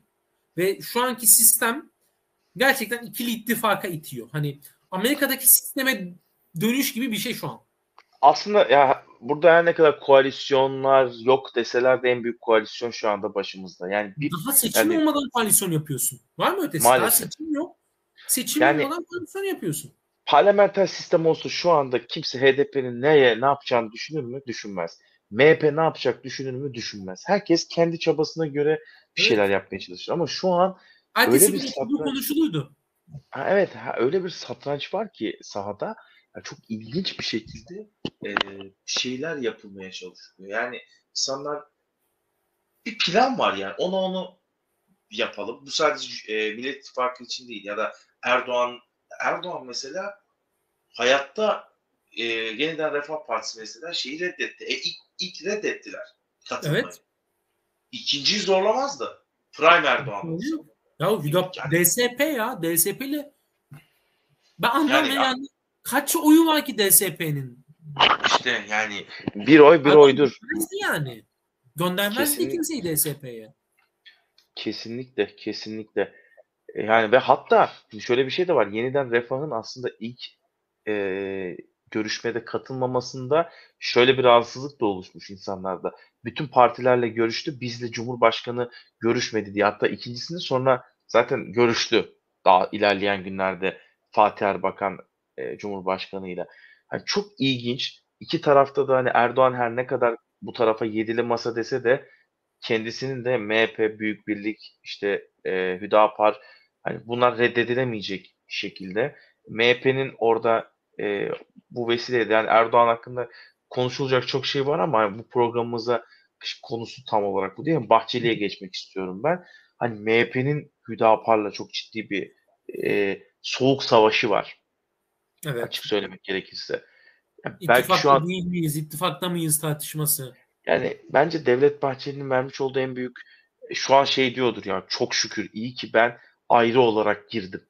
Hani evet, eğer ki bir de hani eğer yani ki bir de ben seçim. ortak listeden girseydim falan o baş ağrısı beni mahvederdi diyordur evet. Devlet Bahçeli. Anlatamaz Devlet... yani nasıl oy vereceklerini AK Parti'ye. Ya Devlet Bahçeli'yi konuşacaksak şunu söyleyeyim. Yani ben zamanında Devlet Bahçeli'nin mitinglerine de gidiyordum. Hani ben siyasilerin hemen hemen tüm mitinglerine gitmeye çalışıyorum bulunduğum yerde. Devlet Bahçeli'nin enerjisi çok düşük. Hani o Devlet Bahçeli'nin o meydanları yıkan, kıran, geçiren 2010-2015 döneminden eser yok. Ben zaten bunu bekliyordum. Muhalefetten iktidara dönmesiyle ama e, kendi seçmenine o yüksek tonda sesleniş yok artık Devlet Bahçeli'nin. Tamamen stabil bir ton. Belli başlı düşmanları var. Yani evet işte bu hep yaşla alakalı herhalde. Yani. Yaş, yaşlandı. Gerçekten yaşlandı. Yani bir de e, hani Allah tabi sağlık saat versin böyle e, konuşuyoruz. Bir rahatsızlık yaşadı Sayın Bahçeli. Hani ondan sonra etkiler yani bunlar. Etkiler ee, mesela Sayın Erdoğan'da da aynı şey geçerli. Artık herhalde Türkiye'nin biz gençler olarak buna da alışmamız lazım. Hep gördüğümüz figürleri artık yavaş yavaş işte o performans düşüklüğünü görünce üzülmemeye. Ben bazen üzülüyorum. Ya bu şey anlamda değil. Onu savunuyorsun, görü hepsi için. E, elimizde büyüdüler ya. Evet ya. Vallahi bile. Yıllarımız geçti. Tabii Kendim bildim beri aynı kişiler siyaset. Ya düşünsene ben daha doğmuşum Erdoğan siyasette Bahçeli, siyasette Kılıçdaroğlu, siyasette Akşener, siyasette Babacan, siyasette Davutoğlu, siyasette Karamollaoğlu, siyasette yani bir Gültekin Uysal yoktu herhalde. Bir de Hüseyin Baş. Bir de Hüseyin Baş. Aynen İkisi öyle. siyasette. Yani hepsi diğerleri. İnsanlar yani bak yeni yüz istiyorlar. Değişim istiyorlar. Bunun en büyük örneği de gerçekten İmamoğlu. Gerçekten evet. değişim rüzgarıydı ya İmamoğlu'nu başa getiren. Hani biz yani... şunu diyorduk. İstanbul'da herkes Binali kazanacak diyorken ben diyordum ki başa baş gidecek. Çünkü gerçekten bir değişim istiyordu halk. Bak o rüzgar da buraya geldi. 5 yıl sonra 2023'e geldi. Değişim rüzgarı devam ediyor. Ama keşke değişim rüzgarını Kılıç Kılıçdaroğlu'ndan daha ziyade başka bir aday görebilseydik. Ben Keşke. Her ne kadar ne olursa olsun şunu ee, isterdim açıkçası. Bu kadar biraz korkak oynadılar. Evet Kemal Kılıçdaroğlu hep şunu söyledi. Ben iktidara geldikten sonra Cumhurbaşkanı olduktan sonra işte ülkeyi yoluna sokup geri çekileceğim dedi. Saygı duyuyorum. Hani bir projedir bu. Ee, Ama bu insana da güçsüz lider algısı yapmaz mı Ejder? Ya öyle ama şimdi aslında Türkiye'nin nereden olaya baktığı biz 20 yıldır o kadar tek bir figür, tek bir lider bizi yönetiyor kafasıyla yürüdük. O şeyi unuttuk. Demokrasilerde veya işte meclisin asıl amacının aslında çok seslilik olduğunu, bürokraside çatlak seslerin bazen iyi olduğunu e, unuttuk. Ha, eski parlamenter sistem bana kalsa da değişmesi gerekiyordu. Ama bir anda da siyahtan beyaza ya da böyle bir dönüş olmamalıydı diye düşünüyorum ben. Yani iki taraf da tutmadı. Başkanlık sistemi de Türkiye'ye hayır getirmedi bence. Çünkü bir yerden sonra e, kime verilirse verilsin güç her zaman tehlikeli bir şeydir. Ve bunun yönetilmesi işte Kemal Kılıçdaroğlu burada PR'ını iyi yapamadı. Yıllardır bu adama loser, kaybedecek, işte kaç seçim kaybetmiş. Ama ben adım gibi eminim de bunu bulunduğum her yerde söylüyorum. Kemal Kılıçdaroğlu Erdoğan'ı yenerse de Erdoğan'ın taktikleriyle siyasi, reklam, figürsel, ekonomik tak tak o hazır cevap tamamen Erdoğan'ın taktikleriyle Erdoğan'ı yenmiş olacak. Yani bir noktada Kılıçdaroğlu aslında öğrendi. Hani bu küçümsemek anlamında değil, siyaset bu. Yani insan rakibine bakar değil mi? Mesela bir futbol takımıyla 100 kere maç yaparsın illa ki kazanırsın birinde. Hani aranda çok büyük bir fark yoksa. E, Kılıçdaroğlu'nun ben İstanbul Büyükşehir Belediye Başkanlığı adaylığı dönemini hatırlıyorum çocuklukta. Konuşmayı dahi doğru dürüst bilmiyordu. Bu kötü anlamda değil. Ama sonuçta devlet adamlığında şimdi Kılıçdaroğlu bürokrat. Değil Bürokrat. Bürokrat, siyasetçi bürokrat, değil esasında. Yani evet bürokrat kişilikten siyasetçi kişiliğe dönmesi e, biraz zor oldu. Bu belki birkaç seçime mal oldu. Ama e, gerçekten hani eğer ki kazanırsa bence AK Parti içinde çok trajik bir son olacak gibi geliyor bana. Çünkü bu kadar dalga geçtikleri, Tabii. aday olsun diye çırpındıkları, işte onun aday olması için Ekrem İmamoğlu, Mansur Yavaş'ı karaladıkları bir kişi gelip AK Parti'yi mağlup etmiş olacak. Bakalım e, göreceğiz. Yani, yani şunu diyeceğim Ejder şimdi biz belki diğerlerinden farklı olarak şunu sorduk. Kim aday olmamalı? Belki diğer anket firmalarının en büyük farkımız Kim aday olmamalı? %70 Kılıçdaroğlu çıktı. Bak tüm Türkiye.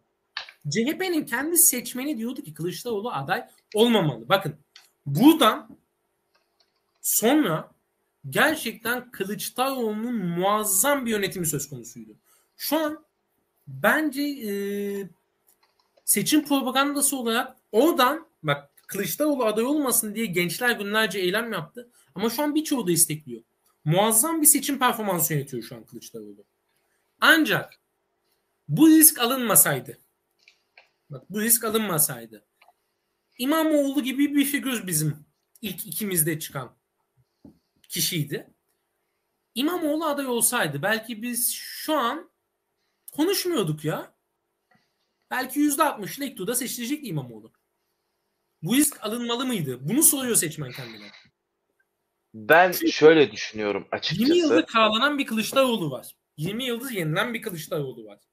Kendi partisi birçok kez bölünmüş Kılıçdaroğlu var.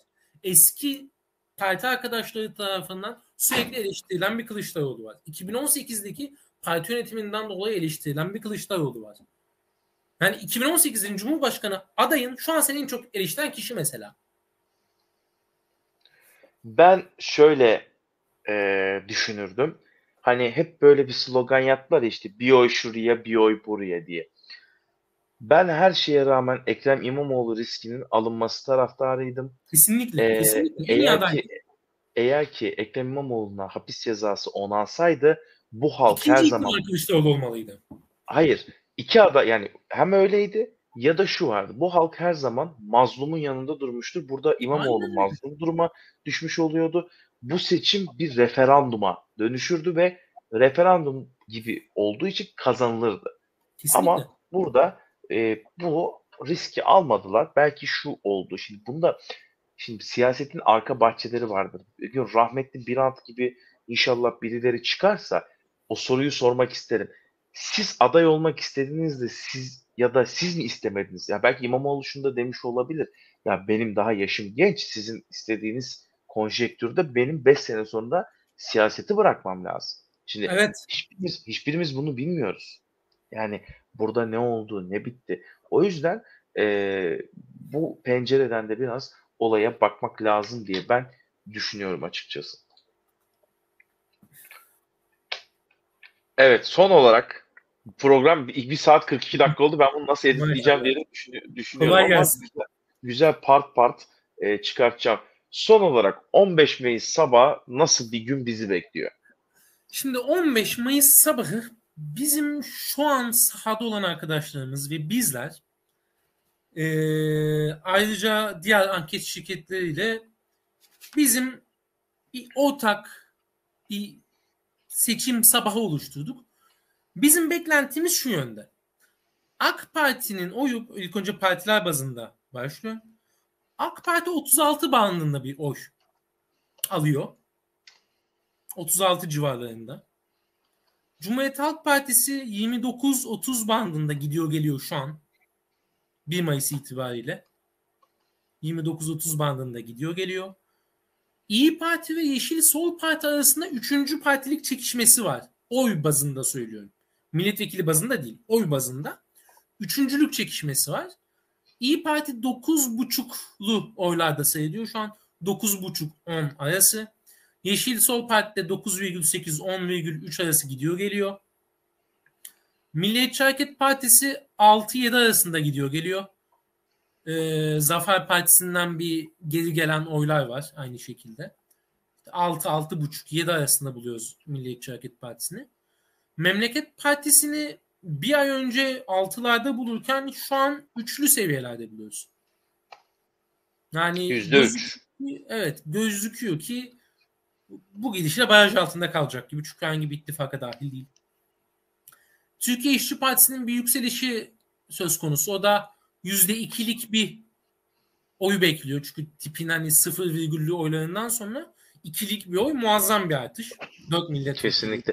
Ya, ittifakta olduğunu düşünürsek çok ciddi bir e, sansasyon yaratacaktır. Evet ikilik bir artış. Ee, tabii yeniden refahın e, belli bir ciddi bir oyu vardı aslında. Ancak e, şeye geçtikten sonra, Cumhur İttifakı'na geçtikten sonra şu mantıkta oluştu yeniden refahta. Zaten Cumhur İttifakı'ndayız. AK Parti'den giden bir oyların kısmı geri döndü. E, biz Zafer Partisi, Yeniden Refah, Büyük Birlik ve diğer partileri de 3-3,5 civarında buluyoruz toplam. Yine Zafer'in %1'lik bir oyu mevcut. Yeniden Refah'ın da %1'lik. E, Büyük Birliğin 0-4-0-5 ve diğer partiler diye ayırdık. Yeşil Sol Parti'yi 8.5'la 10.3 olarak mı buldunuz? 9.5 ile 10.3 arası. 9, 10, 10.3 bu civarda gidiyor geliyor Yeşil Sol Parti. Yani bunu bekliyoruz biz açıkçası. Beklentimiz bu yönde. O zaman şimdi ben e, sen söylerken bir anda not aldım. Şimdi bunu vereceğim ben. E, şöyle. AK Parti 36, CHP 29, İyi Parti 9.5, MHP 6.7, Memleket 3, Tip 2, diğer partiler 3.5, Yeşil Sol'da 9.5. Belki Aynen. tarihi bir an. Aynen tarihi bir şey bakalım. E, bakalım 15 Mayıs'ta böyle bir güne uyanacağız mı? Gerçekten eğer ki böyle bir güne uyanırsak sen Türkiye'nin en iyi anketçilerinden bir tanesi olursun. Bakalım. Bakalım. Bizim, Burayı e, yaptığımız şey sahayı görmek, sahayı analiz etmek. Yani biz e, diğer anket şey, güvendiğim birkaç anket şirkette var tabii ki de hani diğerlerinden farklı olarak biz sonuç odaklı değil neden odaklı çalışan bir firmayız. Çok fazla soruyla çalışıyoruz. Formlarımız, sorularımız çok uzun. Nedenini araştırarak sorduğumuz için kararsızları dağıtmak da bu kararsızlar dağıtılmış hali bu arada daha kolay oluyor bizler için. Aritmetik dağıtma yapmıyoruz biz. Anladım. Anladım. Valla Berk ağzına sağlık. Ee, Gerçekten. Cumhurbaşkanlarını konuşmadık o oranlarını. Evet doğru bak. Doğru. Ben hep kaçırıyorum. Bir, bir, bir, bir saat bir saat 46 dakika olunca neyse ben editte orayı toparladım. O zaman 3 fark Cumhurbaşkanlarının oy oranları diyorum. Tek tek konuştuk zaten. Ben tek tek konuştuğumuzda hani konuştuk diye kafa gitti bende. Evet. Tahminlerini orada da alayım. Sahada gördüklerimiz, artık tahminlerimiz, karman, yani karmalaştırılmış bir şekilde şöyle söyleyeyim sana. Erdoğan'ı 45 buçukla 46 buçuk arası buluyorsun. Yani 46 dolarlarında. Kılıçdaroğlu'nda 46 puanın biraz üzerinde buluyoruz. 46,2, 46,3, 46 buçuk. 47'ye yaklaşan 46-47 arası giden bir oranı. 46-47 denebilir ona da. Evet. E, Muharrem İnce'yi 5.5'lu oylarda buluyoruz. 5.5'un altı üstü 6 çıkıyor 5 çıkıyor. O civarda gidiyor geliyor. Sinan Oğan da %2'nin biraz üzerinde bulmaya başladık. %2, 2,5 bu civar dolarlarında şu an Sinan Oğan'da. Sinan Oğan. Şimdi o zaman Sinan Oğan ve Muharrem İnce şu andaki bulduğunuz bulgulara göre bu bu arada Nisan araştırmasından. Evet Nisan araştırması şu an. Yani yüzde yüzde yüzde yedi yedi buçuk gibi 8, bir oy oranı. 8 civarında Sinan Oğan'la İnce'nin. Sinan Oğan aynı yüzde iki iki buçuk bandı. Beklentim şu yönde çok az bir zaman kaldı. iki haftalık bir zaman kaldı ama şöyle bir sonuç çıkabilir. Seçim yaklaştıkça en yüksek oy alma ihtimali olan iki aday. Yani Erdoğan'ın ve Kılıçdaroğlu'nun beraber yükselişini izleyebiliriz. Bu da önemli. Yani 46-45 dedik ama bir bakarsın 48-48 çıkmışlar. Anladım. Ya aslında işin en komiği de o zaman olur ya. Ya düşünsene 48-48 Olabilir. geldi. Şaşırmam. Hiç şaşırmam. Ya, ben de bekliyorum. Ya Türkiye için çok ilginç oldu. İlk defa çünkü şimdi e, rahat seçim izlemeye alışmışız ya biz. Hani ilk turda biter. İlk defa Türkiye belki ikinci turu yaşayacak evet. Türkiye tarihinde de ilk defa ikinci tur yaşanacak. Yani bu halk seçtiği için yani 2014'ten sonra 2018 oldu. Şimdi 2022 ilk defa ikinci tura kalma çok çok yüksek. Gerçekten bakalım e, nasıl olacak. Bu da burada kalsın. Az önceki oy oranları gibi e, koyduk. Kalsın. Bunu da e, burada şöyle fotoğrafını e, çekelim. Bakalım göreceğiz yani nasıl bir oy oranı bizi bekliyor. İkinci, İkinci tur peki. İkinci Heh, turda tamam, ne olacak? Burası önemli. Şimdi aslında bunu konuşmamızın en doğru vakti 15 Mayıs. İkinci turda ne olacağının. İkinci turda e, seçimi etkileyecek isim gerçekten ince ve o an olacak. İkisinin tavrı. Hani hangi tarafla anlaşırlarsa, hangi taraf ikna ederse onun kazanabileceği bir seçim olacak. Ancak e, İnce'nin seçmeni muhalefete daha yakın bir seçmen. Gerçekten söylüyorum. Hani Kılıçdaroğlu'na daha yakın bir seçmen. Sinan Oğan'da ise daha böyle iki taraftan da kendisini soyutlayan bir seçmeni var. Onun için bizim ikinci tur tahminimiz az bir farklı Kılıçdaroğlu'nun yani seçim dinamikleri değişmez ise bak tekrar söylüyorum. Seçim dinamikleri değişmez ise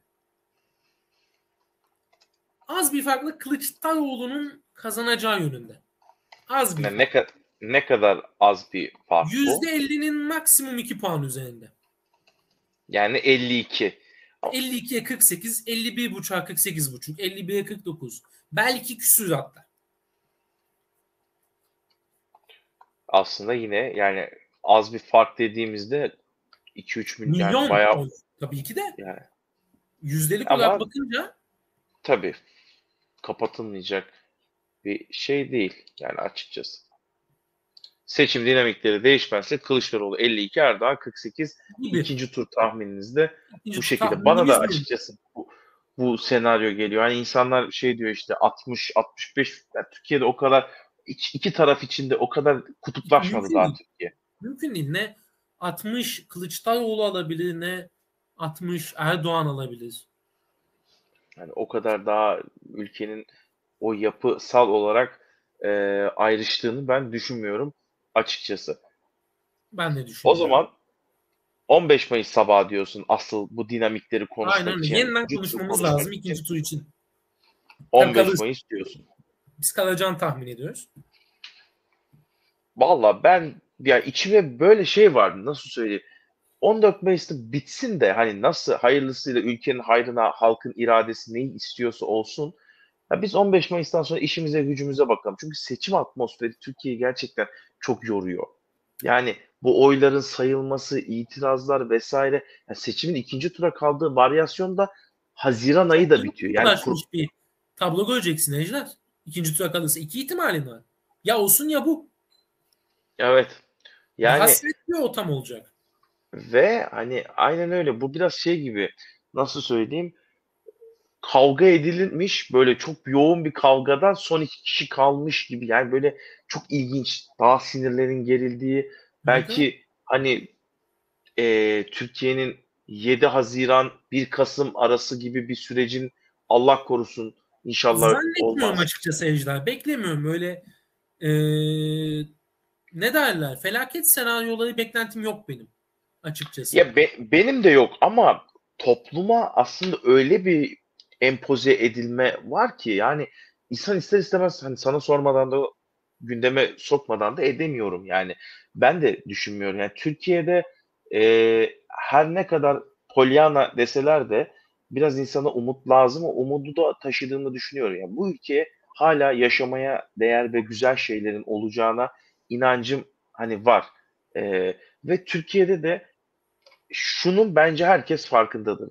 Türkiye'de yıllarca iktidarlar geldi geçti. Yani hani e, Süleyman Demirel bile kaç defa gitti kaç defa geri geldi. Hayır. Yani siyaset böyle bir şey. Siyasetçilerin halkla inatlaşmaması gerektiğini bence en büyük hani biliyorlardı. Çünkü bu halkla inatlaşırsan bak İmamoğlu en yakın örnek 800 bin oy fark. 13 binden 800 bine. Çünkü bizim halkta biraz şey var. Yine aynısı olur. Mesela sen bakma yani ilk turda atıyorum Kılıçdaroğlu ile alakalı seçilemez diyelim az geldi ama ikinci turda o 15 günde bir şey olur halkın kafasına yatmaz ulan sinirlendim der gider atar oyu. Ha bir de ikinci turda şöyle bir şey var. Er, iki tarafa da Erdoğan'a kızan seçmenin de sandığa gitmemesi demek. E, İnci e, Kılıçdaroğlu'na kızan seçmenin de sandığa gitmemesi demek şu demek.